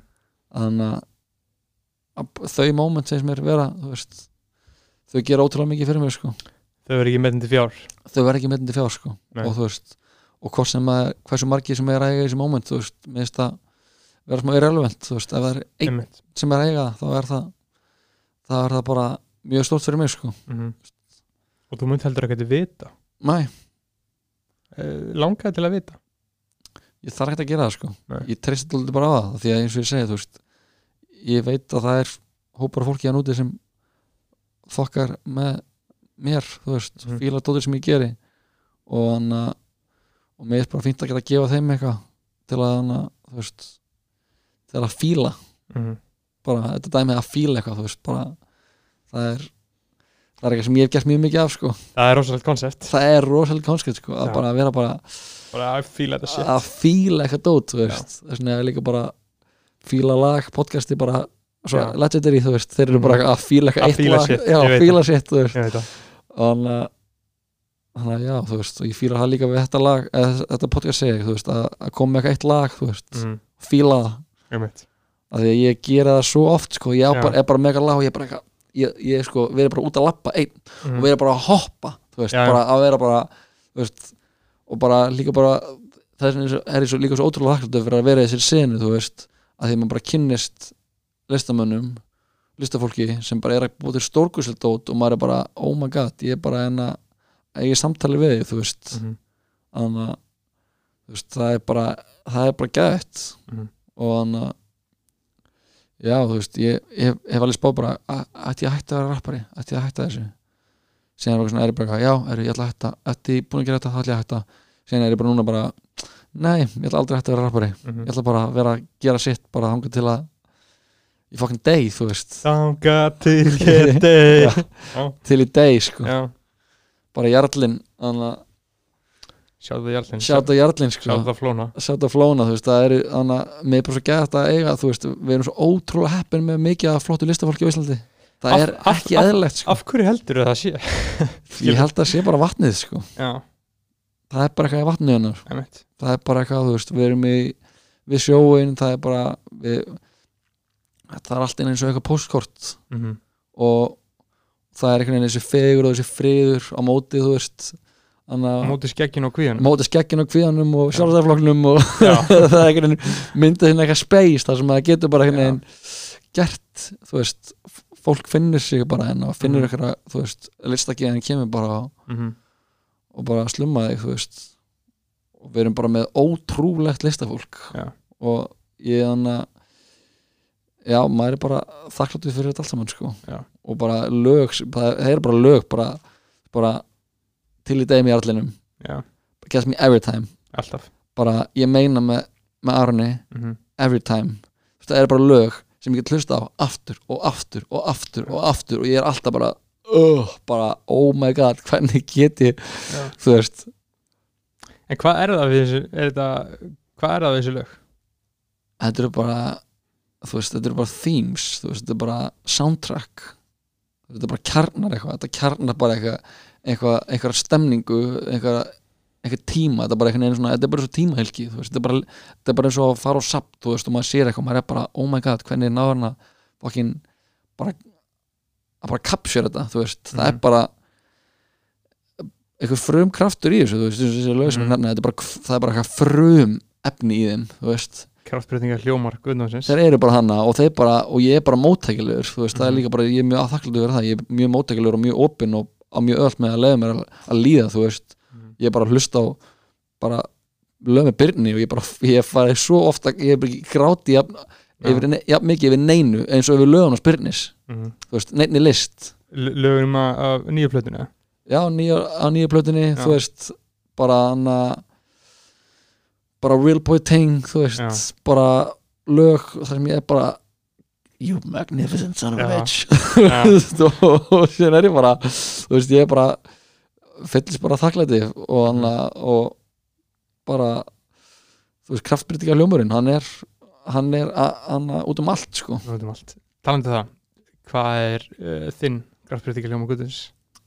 minn svona, mitt lag Já, bara hefði fullkomna rapplag fyrir þér uh, ég myndi segja að fyrir mér sé þið fullkomna rap, rapplag uh, Gorgeous með Kanye West Alright. og Kid Cudi af My Beautiful Dark Twisted Fantasy. Þessi þáttur er í bóði hambúrgara staðarins Júsú á hverjusgötu 44 frábæri hambúrgarar, frábæra víbrur frábæri tónlist, frábæri staðsending allt frábært, ég myndi ekki vera að ljúga þessu tjekki á því, farið á hverjusgötu 44 á hambúrgarstæðin Júsú. Þetta var Gorgeous uh, Gorgeous uh, flúrað á þig. Flúrað á mig. uh, fyrir neðan að bla Emmett, þetta var Kanye West, Kid Cudi og Raekwon mm -hmm. mikilvægt slæg gangi hér. Já, þetta er fullkomið lag, Já, fullkomið rap mm -hmm. af hinnu full, fullkomið listaverki eða spyrir mig sko. Já. eða þú veist, nei, ekki að spyrir mig. Objectively besta listaverk alltaf tíma, My Beautiful Dark Twisted Fantasy. Já. Já, bara objectively ég er að- bara, ég bara er, er að fakta það hérna fyrir Já. fólk sem ekki verðist ekki átt að segja á því sko. Mm þannig að já, þetta, þú veist, þessi plata er bara, þú veist, að ég geti basically spila öll lögin að þessari blötu sem svona minn kraftbyrtingar ljóm sko. Já, þú veist, ég, Runaway er náttúrulega líka bara Runaway er svona eiginlega hann náttúrulega er, þú veist, centerpieceið Ó, centerpieceið. Ég er bara er bara, pff, shit maður. Þannig að ég veit ekki, kann ég veitir mér svo mikla þú veist, mikinn innblástur af því að hann er bara listamæður Hefur ekki lesið komplex greinina um gerð maður Jú, í Hawaii? Já, og er, er núna að hlusta á Hurricanes að þessu Rick Ross, það sem hann ég er býð spenntið eftir að heyra þegar. Það er epíst já, þegar hann er þar sko. Og þannig að þegar ég var í allaveg sko, þá var ég alltaf með var, ég svona, var ég með draum að koma í starfsnám að vera, vera í starfsnámi hjá, Já, hjá já, nei bara ég á honum sko. Þannig að ég veit ég alveg hvernig þú veist, þannig að var ég var ekki að reyna að koma upp ykkur þannig að er hann að finna ykkur e-maila og það er miklir hann að stóru drömmar stóri draumar í litla meistum sko. Þannig að árið hvað var þetta? Ég útskrifast 2016 2013 til 16 var ég alltaf í.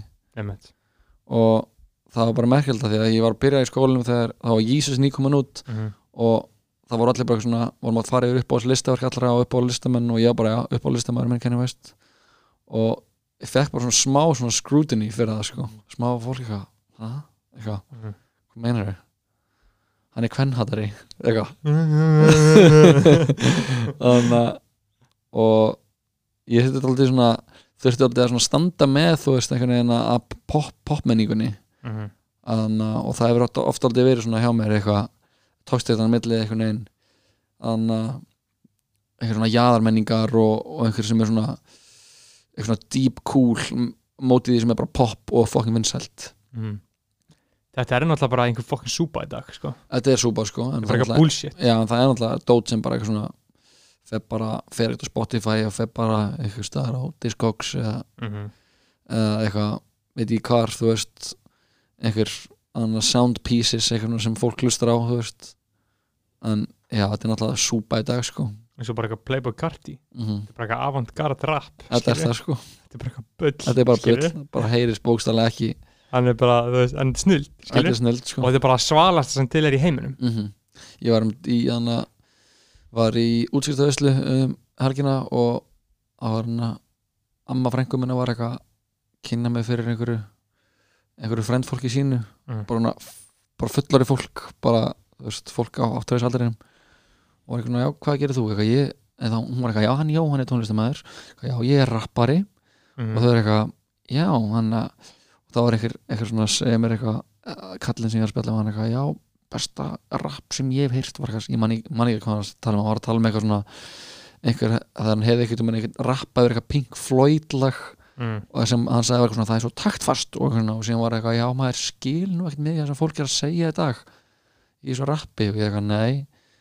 Þannig að- að er nú líka oftast að alveg mikilvægt hvernig hlutin eru sagðir þú veist, og hvað er og hvað er verið að segja, sko. Mm -hmm. alveg mikilvægt bara hvernig eitthvað er sagt. Svo bara þessu Young Thug, þú veist, hann er bara bara, hann er bara að spila hljóðfæri hann er að syngja, þú veist. Hann er bara spangóla. Hann er bara spangóla og það er bara bara eins og hann að eins og Kanye gerir á My Beautiful Dark Twisted Fantasy.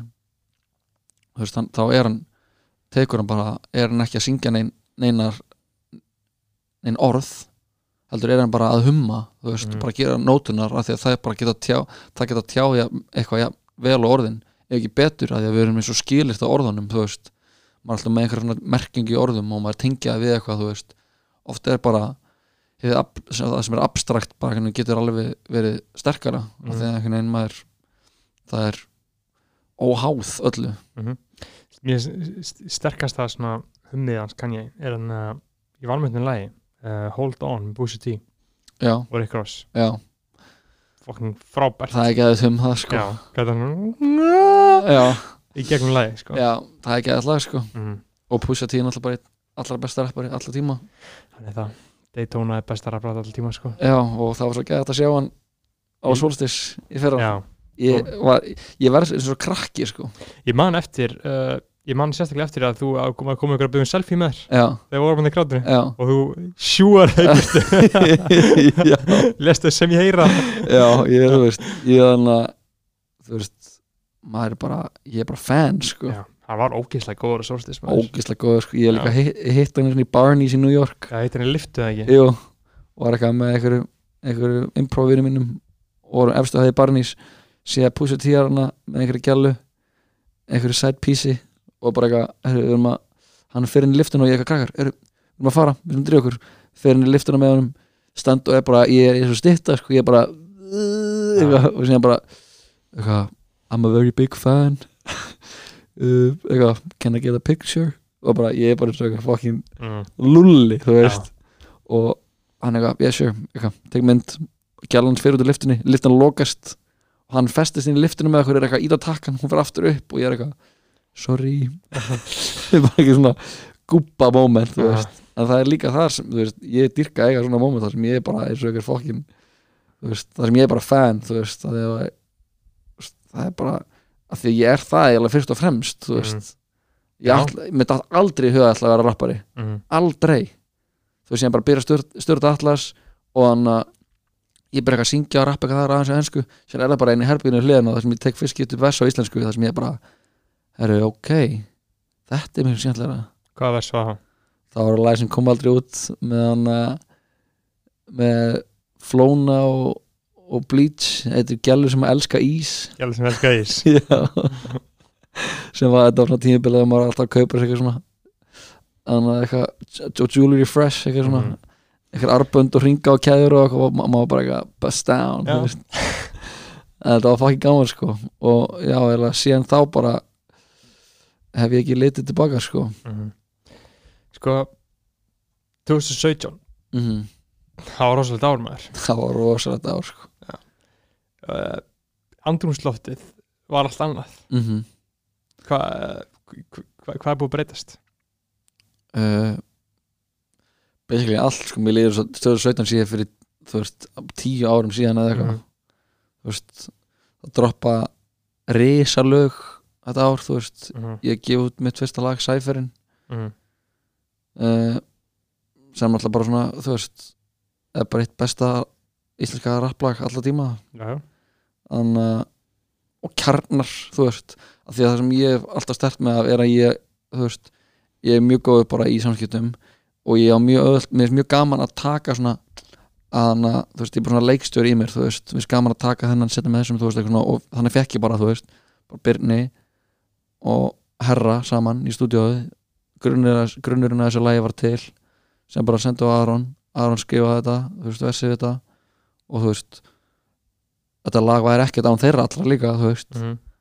en ég er bara svo ánægður að ég bjóti samingið þar sem þetta koma heim og saman þú veist, og síðan var bara heyru förum, tala við andra Haralds geitina, förum við Costco skjótu vídeoið og þú veist rest is, his, is history sko, þú veist, það var bara einhvern veginn það var bara, þetta var bara the right time, right place og Andstæði rangum maður á rangu tíma sko. já, ángríns Mhm.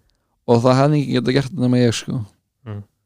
og það er, það er svona sem ég er stoltur af sko, ég er að ná að búa til þessi, þessi moment, þessi, þú veist, búa til samingi setja hlutan einhvern veginn í rammáð inn og þannig að já, síðan alltaf bara droppa fleiri löðan alltaf bara fulli vasar, kemur út þetta ára minnum líka Já. og B.O.B.A. kemur hana og Já, ég veit já, ég veit, þú veist þetta er alltaf bara Út í game, út í game leika leika og hann að þetta má með, Mhm. með herra og MC og þú veist og leikurinn var alltaf bara að píka hana Mhm. þú veist, hvort sem maður eða þú veist, mér, ég held að segja alveg að þetta segja það bara og það er að dáta að þannig píkaði Mhm. leikurinn þannig að burt sér frá því hvernig svona streymistölur og hvernig dótkanni maður mælir hlutina, þú veist, það var þetta þannig að var píramidin bara toppurinn á píramidinum sko Mhm. er ekki að segja að þetta sé eitthvað slæmt núna veist, þetta var engu líkt Já. fólk var að sjá og heyra hluti sem að hafði aldrei séð en ég heyrt aður Mhm. og bara og bara stemningin var alls að ráðandi sko Mhm. lífið var auðvöldara, einfaldara Síðan var líka sko þegar ég hlusta á rap frá þessum tíma mm uh, það er ógæðislega mikið talað um pillur. Já, já. Og, og þú veist, á þessum tíma mm þá var bara pillu epidemic á Íslandi. Já, það var faraldur í gangi. Það bara var annarkuð maður að segna sig. Já, það er bara, það er, ro- það, það, já, það er rosalegt að hlusta á þessu lög, sko. Að því að náttúrulega í, í góður list hún speklar raunveruleikan mm -hmm, uh, hún á að segja frá sögum sem er í gangi í samfélaginu. Mm og það er ekki endilega að rapparnir séu að gera þetta vinsalt, heldur eru þeir að segja frá raunveruleikanum, -hmm, eins og þetta er. Já, og þarna var raunverulegur sannaks faraldur í gangi, já. En það ekki? Jú, þetta var bara nýkomið til landsins og þetta var bara þú veist þetta var bara já, faraldur, þetta var bara Já. svo engi sprettunar mm -hmm. þannig að og já, bara allir bara ógeðslega, þú veist, bara kæruleysis lif, þú veist, Mhm. hví þetta er reyndið þannig að voru allir bara e, bara nára fuck to give, bara hjá öllum, þú veist Já. því maður, maður sér þetta bara í textum bara hjá, bara þér, Mhm, Birni, mhm, Arni, mhm. Flóna uh, öllum já, Ge Geisa Kartel komið þeir ekki akkurat þannig líka jú, jú, ég Jú. þú veist, ég er fucking legendary session með geisa hennum já, nýjum bíl var til hennar hliðina og, og bara alls konar, þú veist mhm, þú veist, það er mikið, mikið pillur, sko, já, þú veist.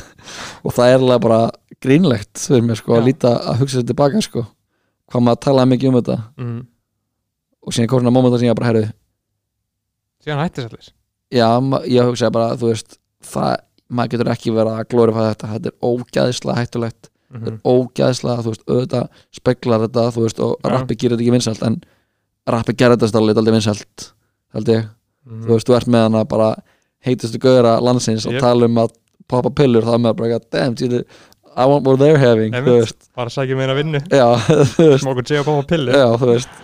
Þannig að auðvitað, þú veist, hefur þetta sam, sam svona, þú veist, í sæfæðnum, hver er þetta einasta veð sem nefnilega herra, hann var eitthvað annað já, já, þú og Binni og Aron allir að tala um Papa pillur. Já, já þetta var bara, þetta var staðan. Já, þetta var staðan. Mhm, og já, blessunlega er þetta ekki staðan lengur sko. nei hvað hva, hva, hva gerist?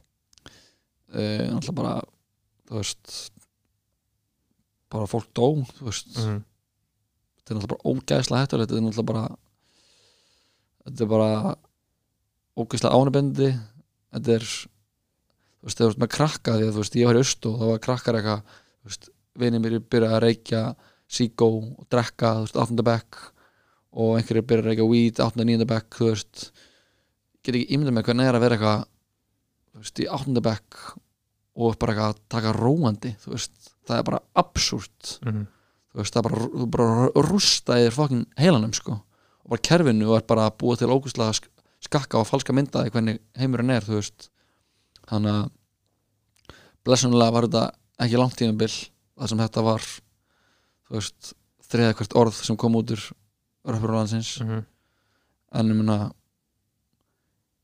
ég sé þetta ekki eftir neinu sko. Slutinir fóru á þennan veg þurftu að gera það.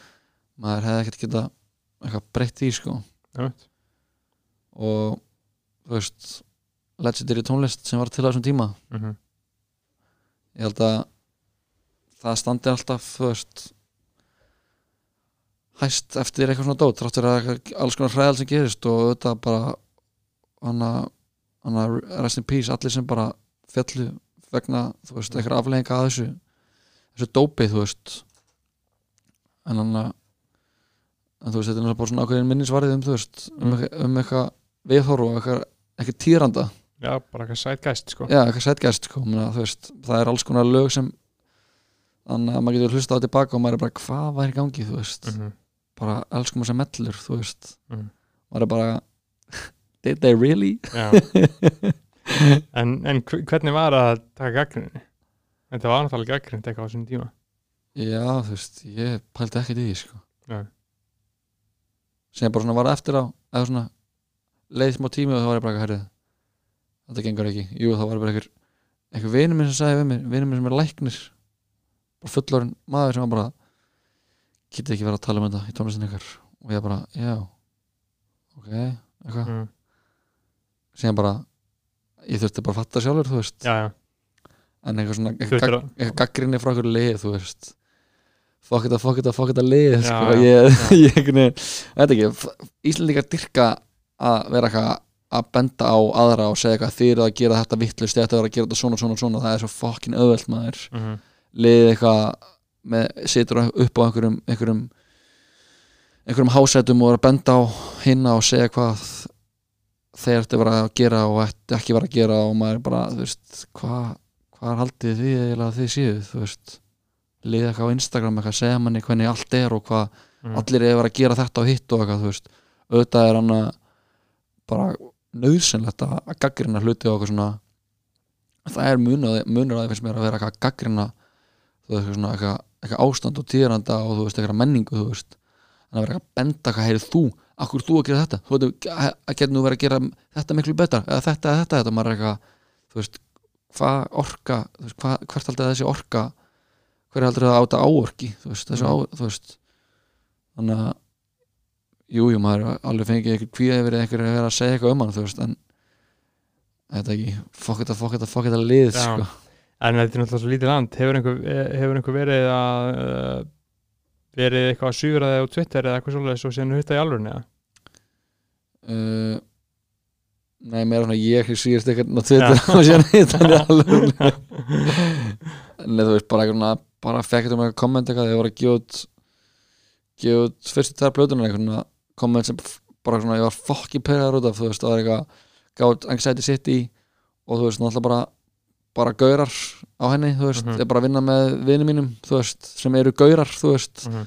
og hann að það bara, heyrðu, hvað þessi hérna bara að gefa út eitthvað plötur og bara gaur og maður bara, vilti alveg sem eitthvað tókinn gælu en bara að fokkin Mhm. til þess að friðþæja þig, þú veist það er ekkert, hugsa ekkert lengra, þú veist það er bara eitthvað að leita einhvern til að benda og benda eitthvað vandamál, þú veist og síðan bara er ég með eitthvað gælur á, þú veist Anna, á Joey og það er ekkert það er eins og einhver sé þá eitthvað, heyrðu vá, það er stelpur á þessar plötu, vel gert, Mhm. þú veist það er, fólk er ekkert að leitast eftir einhverju til að er ofta ekkert að leita að, að leitast eftir að hlutinir sé eitthvað að breytast þeir eru bara að leitast yfir einhverju að fokkin nixlast yfir og vera eitthvað að benda og vera eitthvað setja svo ekkert, ekkert seferis stall sko Mhm. og allt þannig dæmi finnst mér bara fokkin lame og fake sko Já, þú veist þannig að ég, þú veist, mér veist að bara endan dag í dag að vera fokkin lame sko.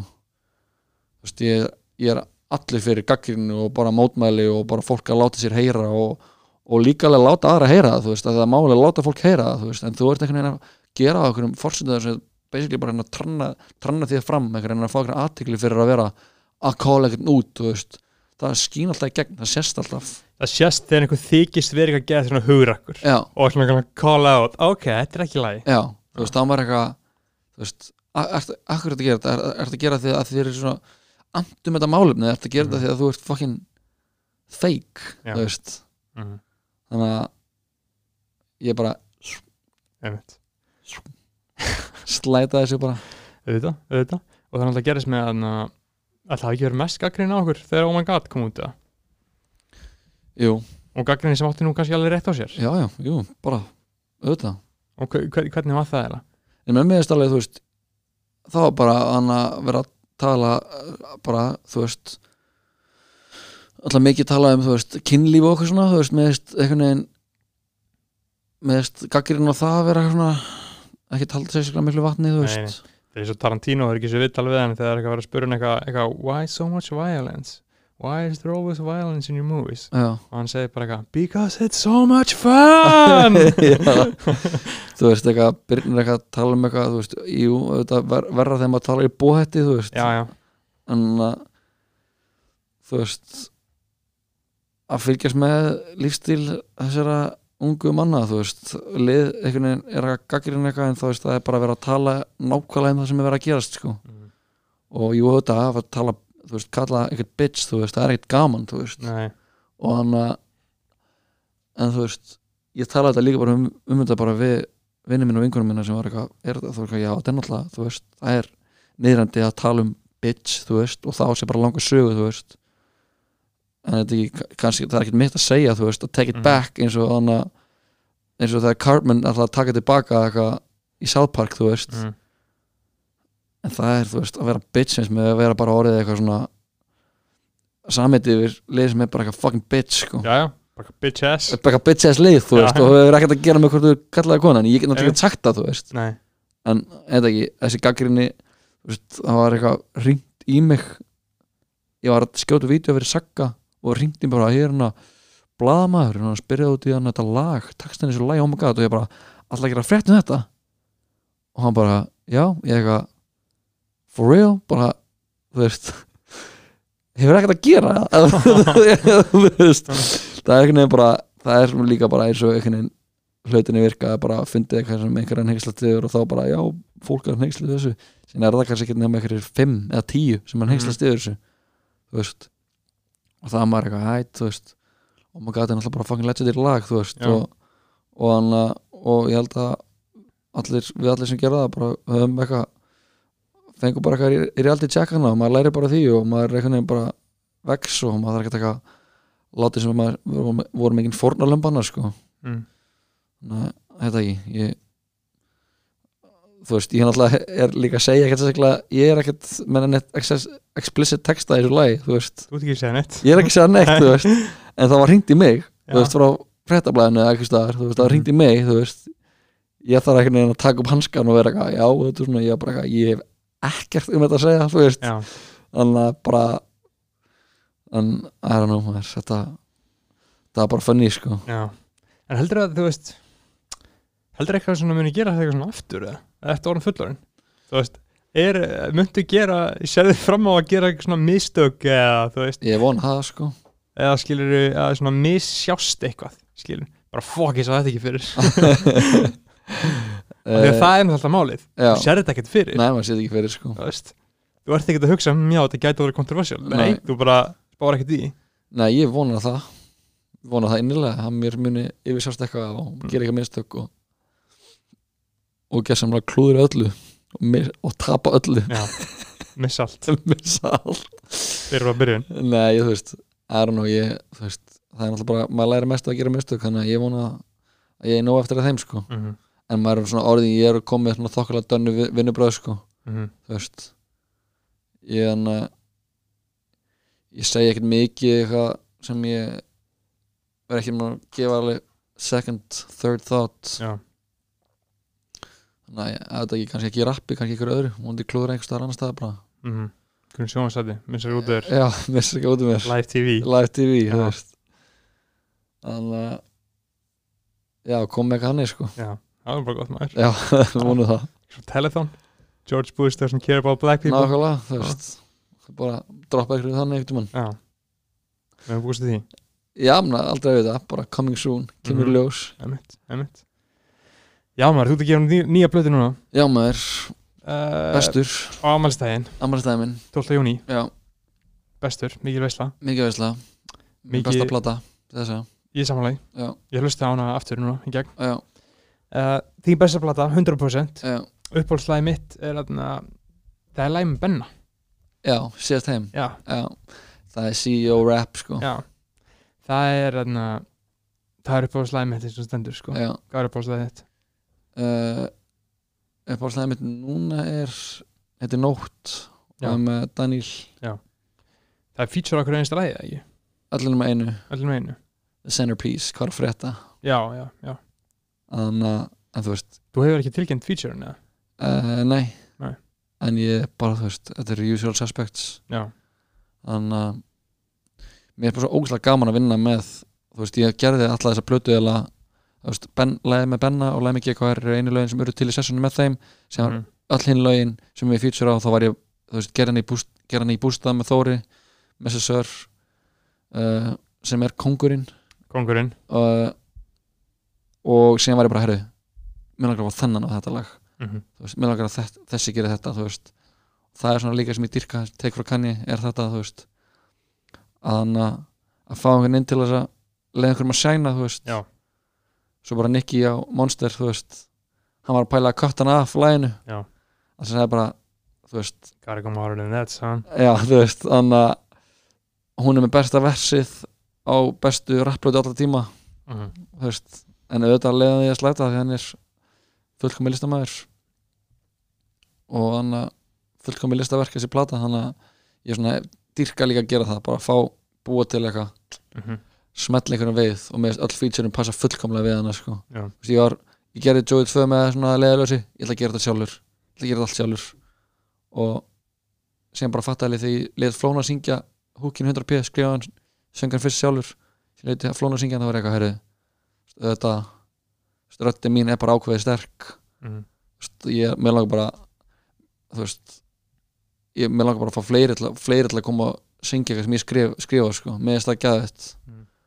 þannig að ég er fokkin spenntið fyrir þessari blöðu sko. Já. ég held að hann að að að fólk sem fíla tónlistin sem ég gerir muni vera mjög satt með hana sjö lög sjö lög, my album seven songs já, fullkom með lengt Já. uppáhalds tala mín Já. Á ammælistæði minn. Uh, þannig að já, mér veist ég bara aldrei hafa þú veist, vitið mikið hvað ég er að gera? Aldrei hafa, þú veist, þetta er bara svona svona kjarnaðasta plata mín til þess að öll lög producerað af Þóri, Mr. Sir já, veist þess og bara nýtt sound, þú veist, mér veist það bara vera sound á þessar blötu sem ég hef ekki hýrst á Íslandi aður mm og mér veist það gæðið líka að vera, þú veist, það er bara það hljómar ekkert eins og þetta. Fyrir hlustundi sem að þekkja ekki nafnið, Mr. Sir Þórum að Davíðsson uh, hann er fættur á uppálinn í Garabæ uh, býr í Berlín og hefur verið að gera ótrúlega gott mót þar sem bara einn eftirsótasti pródúserinn í, í þýsku rapserinni pródúseraði fyrir Young Hearn að mestu og, Fergie og og þetta eru rosalega stórir þýski rapparar. Já, þetta er bara þú veist, massífir massífur sko. Mm.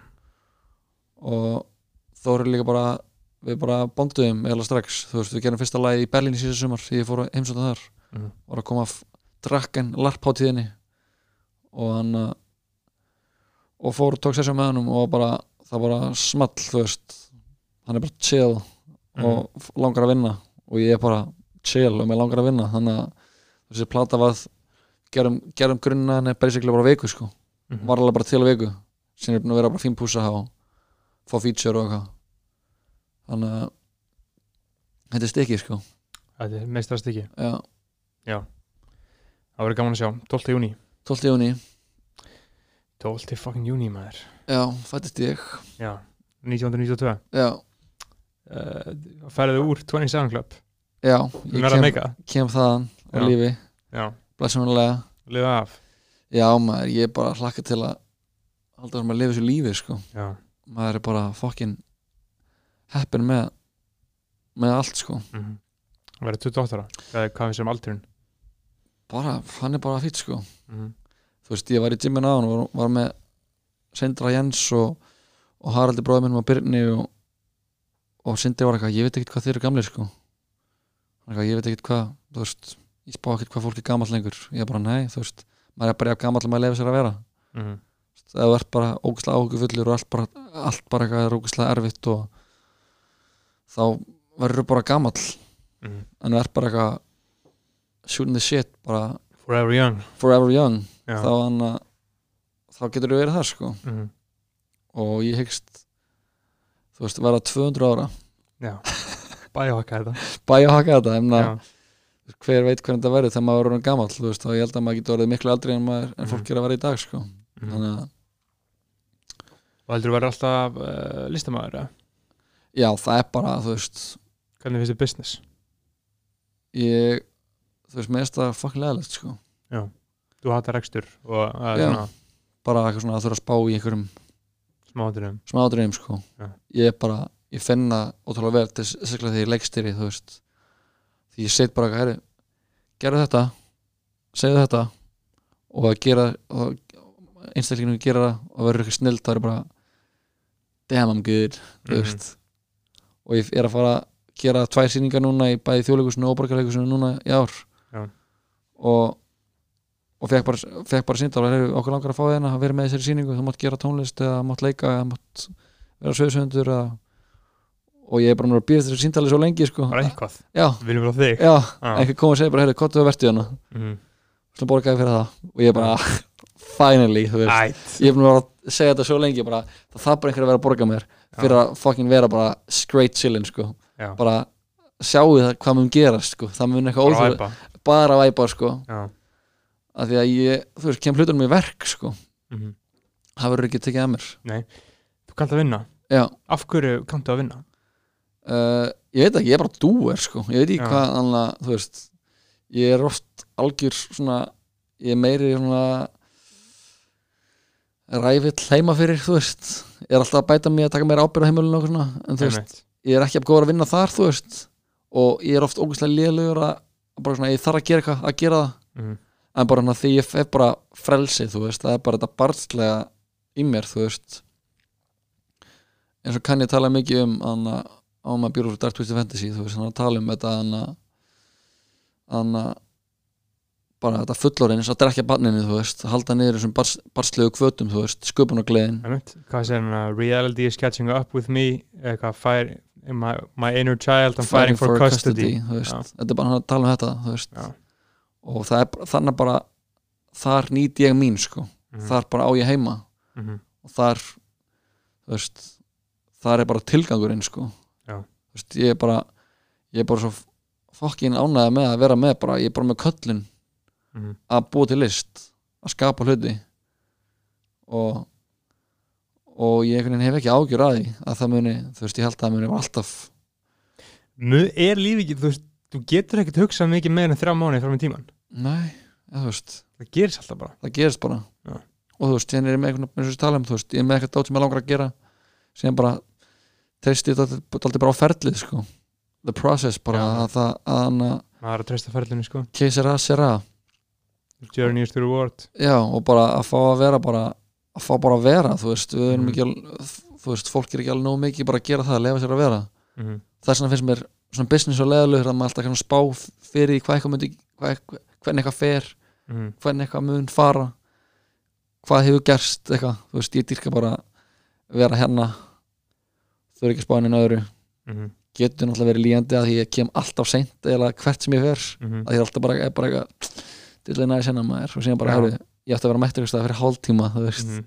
sem er náttúrulega bara ó, ókostur, þú veist Já, þú, þú, þú varst 20 mínútum að setja já, já en, uh, en þú veist ég er að vinna í því og, okay. Er og það gengur bara gengur Já. bara, sko En hvernig er, ertu meðvitaður um að þú er alltaf heppin, það er örugglega mjög mikið fólki sem, að, sem er eins og þú, mm uh, fílar að skapa og gera eitthvað svona. -hmm. en ströggla við allt sitt líf. Já, af því að það sem þau gera verður ekki vinsælt. Mitt. Uh, til þess að þú getur haldið áfram að gera eitthvað þarf það að vera vinsælt? Uh, er það ekki? eða þú veist það þarf ekki endilega að vera vinsælt en það þarf að vera að einhver fíla sem að gera þig kleift að fá að gera aftur og aftur og aftur. Já, af því að heimurinn gengur áfram á peningum Já, hann gera það henni þú veist, ef ég væri ekki með vinnu hérna við að gera það sem ég geri þá myndi ég bara þú veist, vinna í sundalina eða eitthvað og vera búið til lista mínum mm. frítíum mínum þú veist. Og þetta er öll fyrir maður að segja það, þú veist en ég veit ekki, allt, ef maður hefur kollun og, maður hefur drif þá, veist, þá standa manni allir við færir sko. En hefur gert eitthvað sem að floppa á hart eða uh, sem bara öllum er samum mm, ekki beint sko. Ég held ekki. þarf ekki að gera það eitthvað Jú, það ég hlaka til sko. Já, bara því ég er bara eitthvað færtur en þá bara eitthvað, eitthvað að rappa. Já. Joey 22 Joey 22 og fólk er bara jæja félagi, þegar því var að koma gott. Já. uh, Jú, menna þú veist. Jú, ég vona að það komi ekkert um hana því að ég muni algjörlega skýra upp á bak sko. Mm. læra því. Læra því sko, en ég menna ég veit það ekki. Ég held að, þú veist ég er bara, er heppin náttúrulega bara að fyrsta lagi sem ég ge- gef út er ógæslega vinsælt, þú veist, Mm. og þannig að en það spila miklu meira inn í heldur en bara það sé eitthvað, þú veist spila margt inn í þetta, þú veist. Það er ekkert bara eitthvað talent, það er líka bara anna, þú veist timing og, og þú veist, stemning og eitthvað svona dót þú veist, fættilega eftir inn í hvaða landslega þú, ert að tala, þú ert að gefa eitthvað dót út en þú veist þegar þú ert ekki með ekki, fylgið, þú ert ekki, þú veist, fólk þekkið ekki, þú ert svona ó, óþektur þú veist, þá er það oft þú veist þá getur það alveg svona meikað að breyka sko, hvort þú Mhm. talar inn í eitthvað bara það akkurat resonator með einhverjum, þú veist mm. þú talar eitthvað, það er mikið noise í gangi þú veist, það heyrist ekki, þú veist, þá er það bara fokkin legarætt, Mm.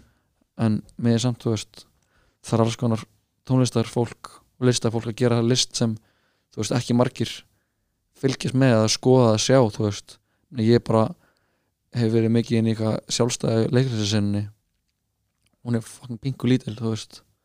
Það er bara, Fólk, fólk getur ekki lifa á því þar. Jú, það er bara fucking ströggl þú veist, það er bara að segja um styrki og það er bara að harka fyrir því, þú veist. Það er bara að færri þeirri senu en bara, þú veist, hlusta á þetta podcast. Mm. Þú veist. Þannig að þetta ekki, þetta er náttúrulega bara líf getur verið hark, veist en það Já. er bara spurningum að njóta þess að harka. Sumir, þú veist, það er ekkert að harka fyrir en maður er með, maður langar búið til list þá bara, þú veist, þá er það þitt að finna leiðina til þess, Mm. getur enginn gert það fyrir þig. Það er enginn að býða eftir. Það var það sem sagtum með í klára listarskólan það er enginn að býða eftir ykkur.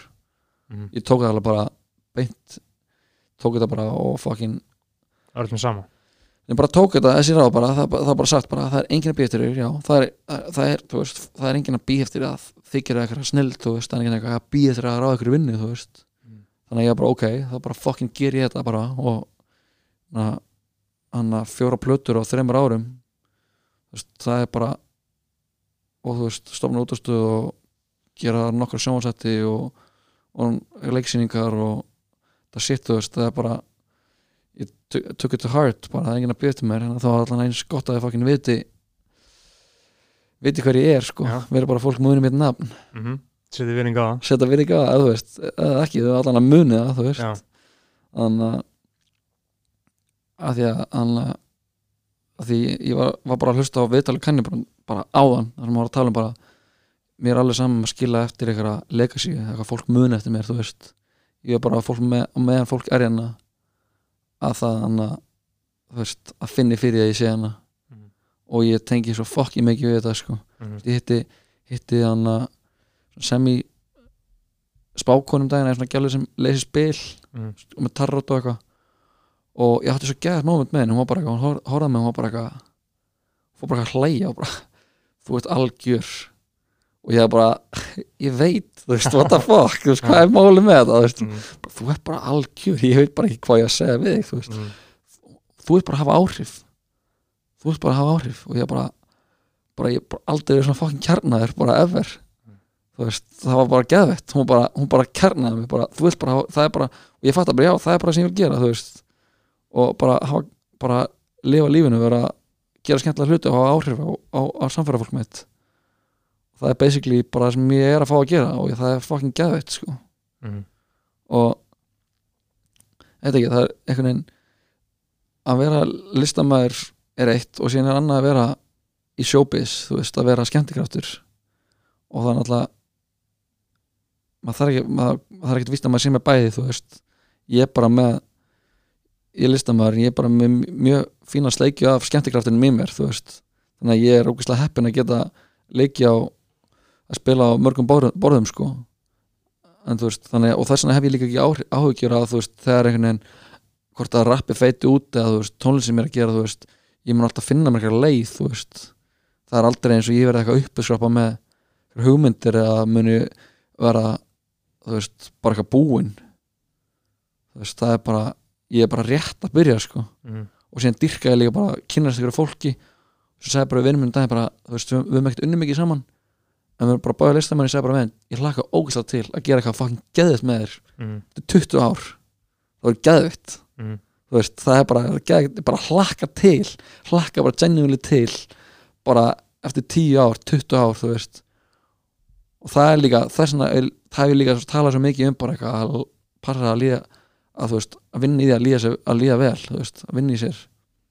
Er það ekki það það er ekki mér nummer eitt eða? það er nummer eitt. Af að það ver, get, það, getur ekki gert hitt eða líður illa? Nei, að því að líka bara, veist það er eitt að vera poppin right now, veist, það er eitt að vera veist, eins og tölum, það er þrjú ár síðan sæfurinn kom út, Bitch, this is fame not cloud já, þú veist, það hefði alveg geta mikið geta gert hann á milli sem bara ég get alveg geta bara klúra öllu, þú veist. Mhm. og, hann, uh, og bara hvernig fara í flottan og vera að bara nota og þú veist og bara reykja endalist hvít og vera bara þú veist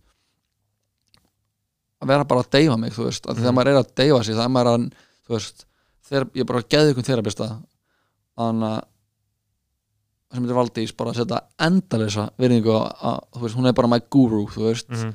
bara, ég kem til hennar og hún bara fucking setur mig í samengi bara eins og, og innstungu bara, bara og ég bara og hann, hún segir bara, þú veist, þú ert alltaf að nota þú veist, hvað, hvað sem það er þá ert alltaf að neita þér um að vera þú þú veist, þú ert einhvern veginn, því líður einhvern veginn kannski líður illa, kannski ert svona hins veginn og þegar þú ert að nota þá ert að neyta sjálfur um að vera þú sjálfur og vilt frekar vera í þessu ástandi láta þennan hatt á að þá þarfst ekki að horfast í augu við það eða þú veist, það er auðveldara að díla við hlutina svona, veist, það er skemmtilegra þú veist, að það, það, það ágætt alltaf að vera eitthvað fokkin skemmtilegt alltaf, þú veist en það verður það, þú veist þegar þú, ef þú vinnur í þá fattar að skemmtunin er fólkin í því að vera fokkin ströggla, þú veist.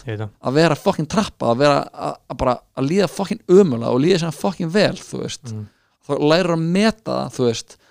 Þú þarft að hana, þarft að fara látt til að komast hátt, þú veist. Akkurat, og einhvern veginn þetta kemur allt einhvern veginn fram í mismöndi list, sko. En, eins og ég var hann að uh, að með Byrn, maður tala um Byrni á mhm, við- og Byrni og tölum um daginn hvernig lög hitta á mismöndi hátt og mismöndi tíma mhm, skilur eins og það lag á lag, lag, lag, lag svala. Mhm.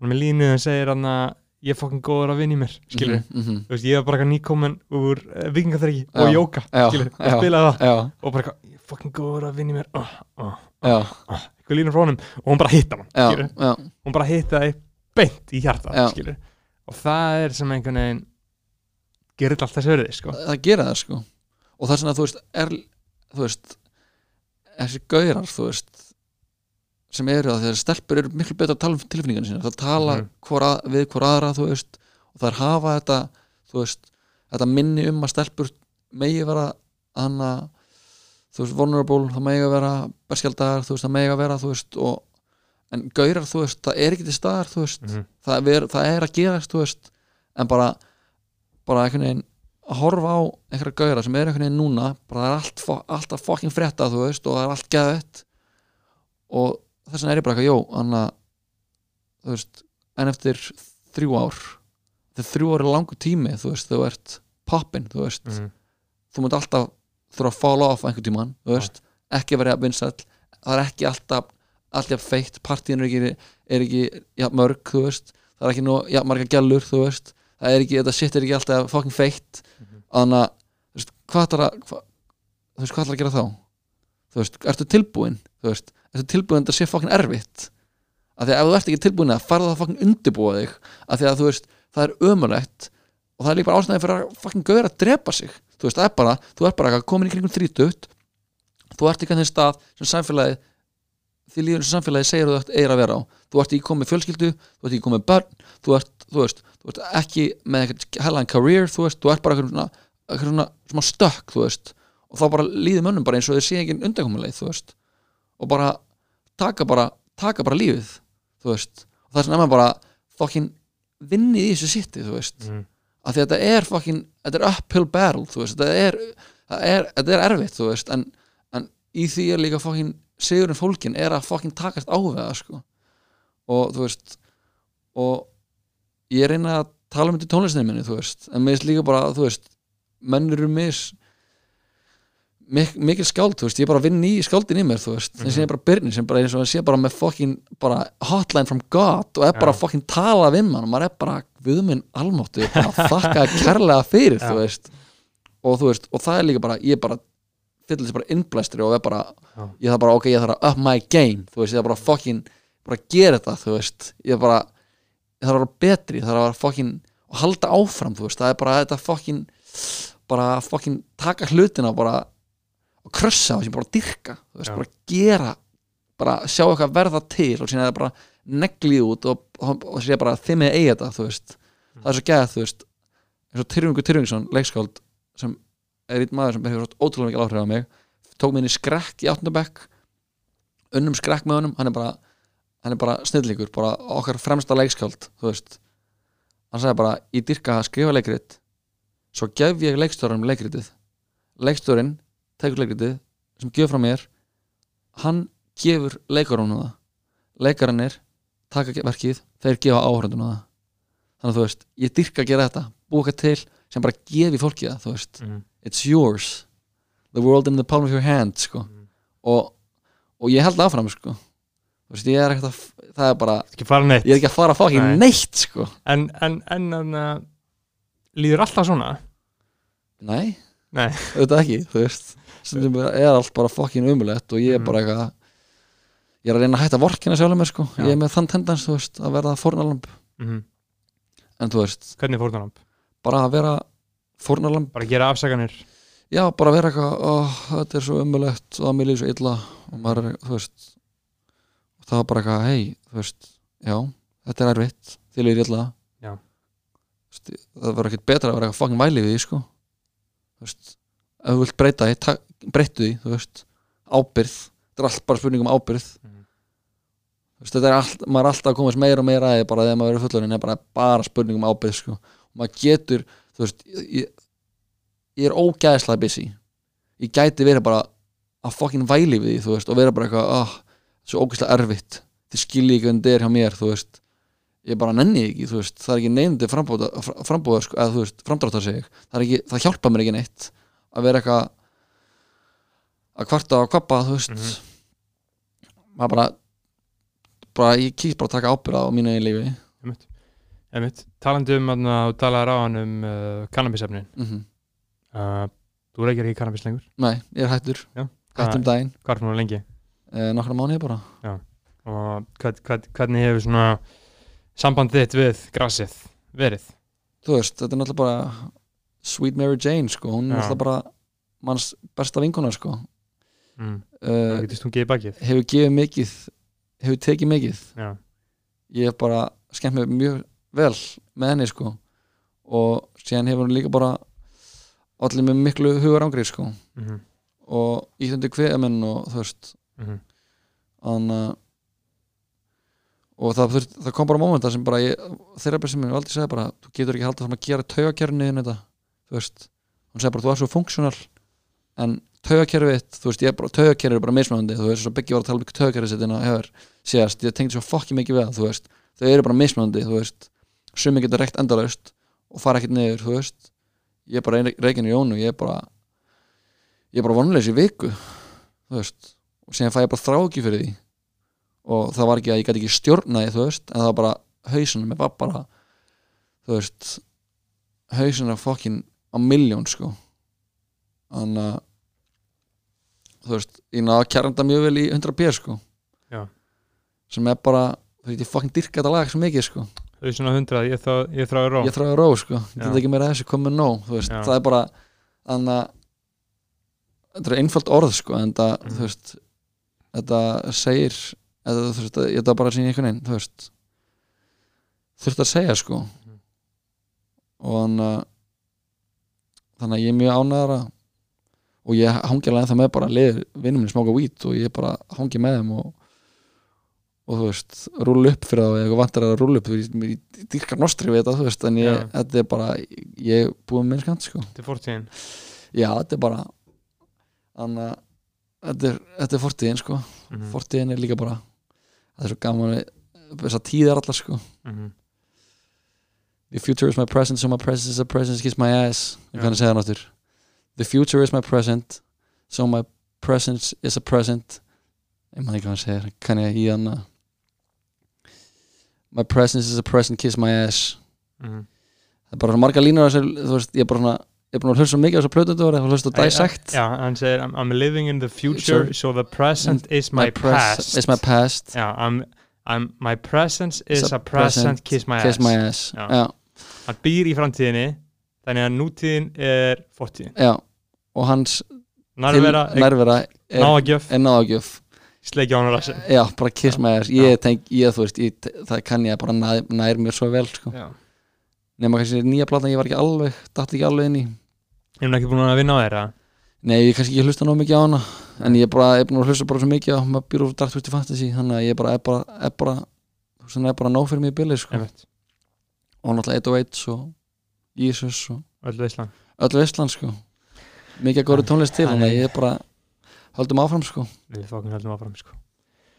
Já maður uh, Er eitthvað svona uh, Er eitthvað sem við erum ekki búin að fara yfir sem að uh, þið langar til þess að koma, koma áleiðis fyrir, fyrir þá sem er búin að hlusta á tvo tíma skilur, Þeir sem- ja, þeir eru rétt. real ones það eru real ones, já, þú veist. Eitthvað sem þeir þurfa að heyra. Þau, bara love you, sko.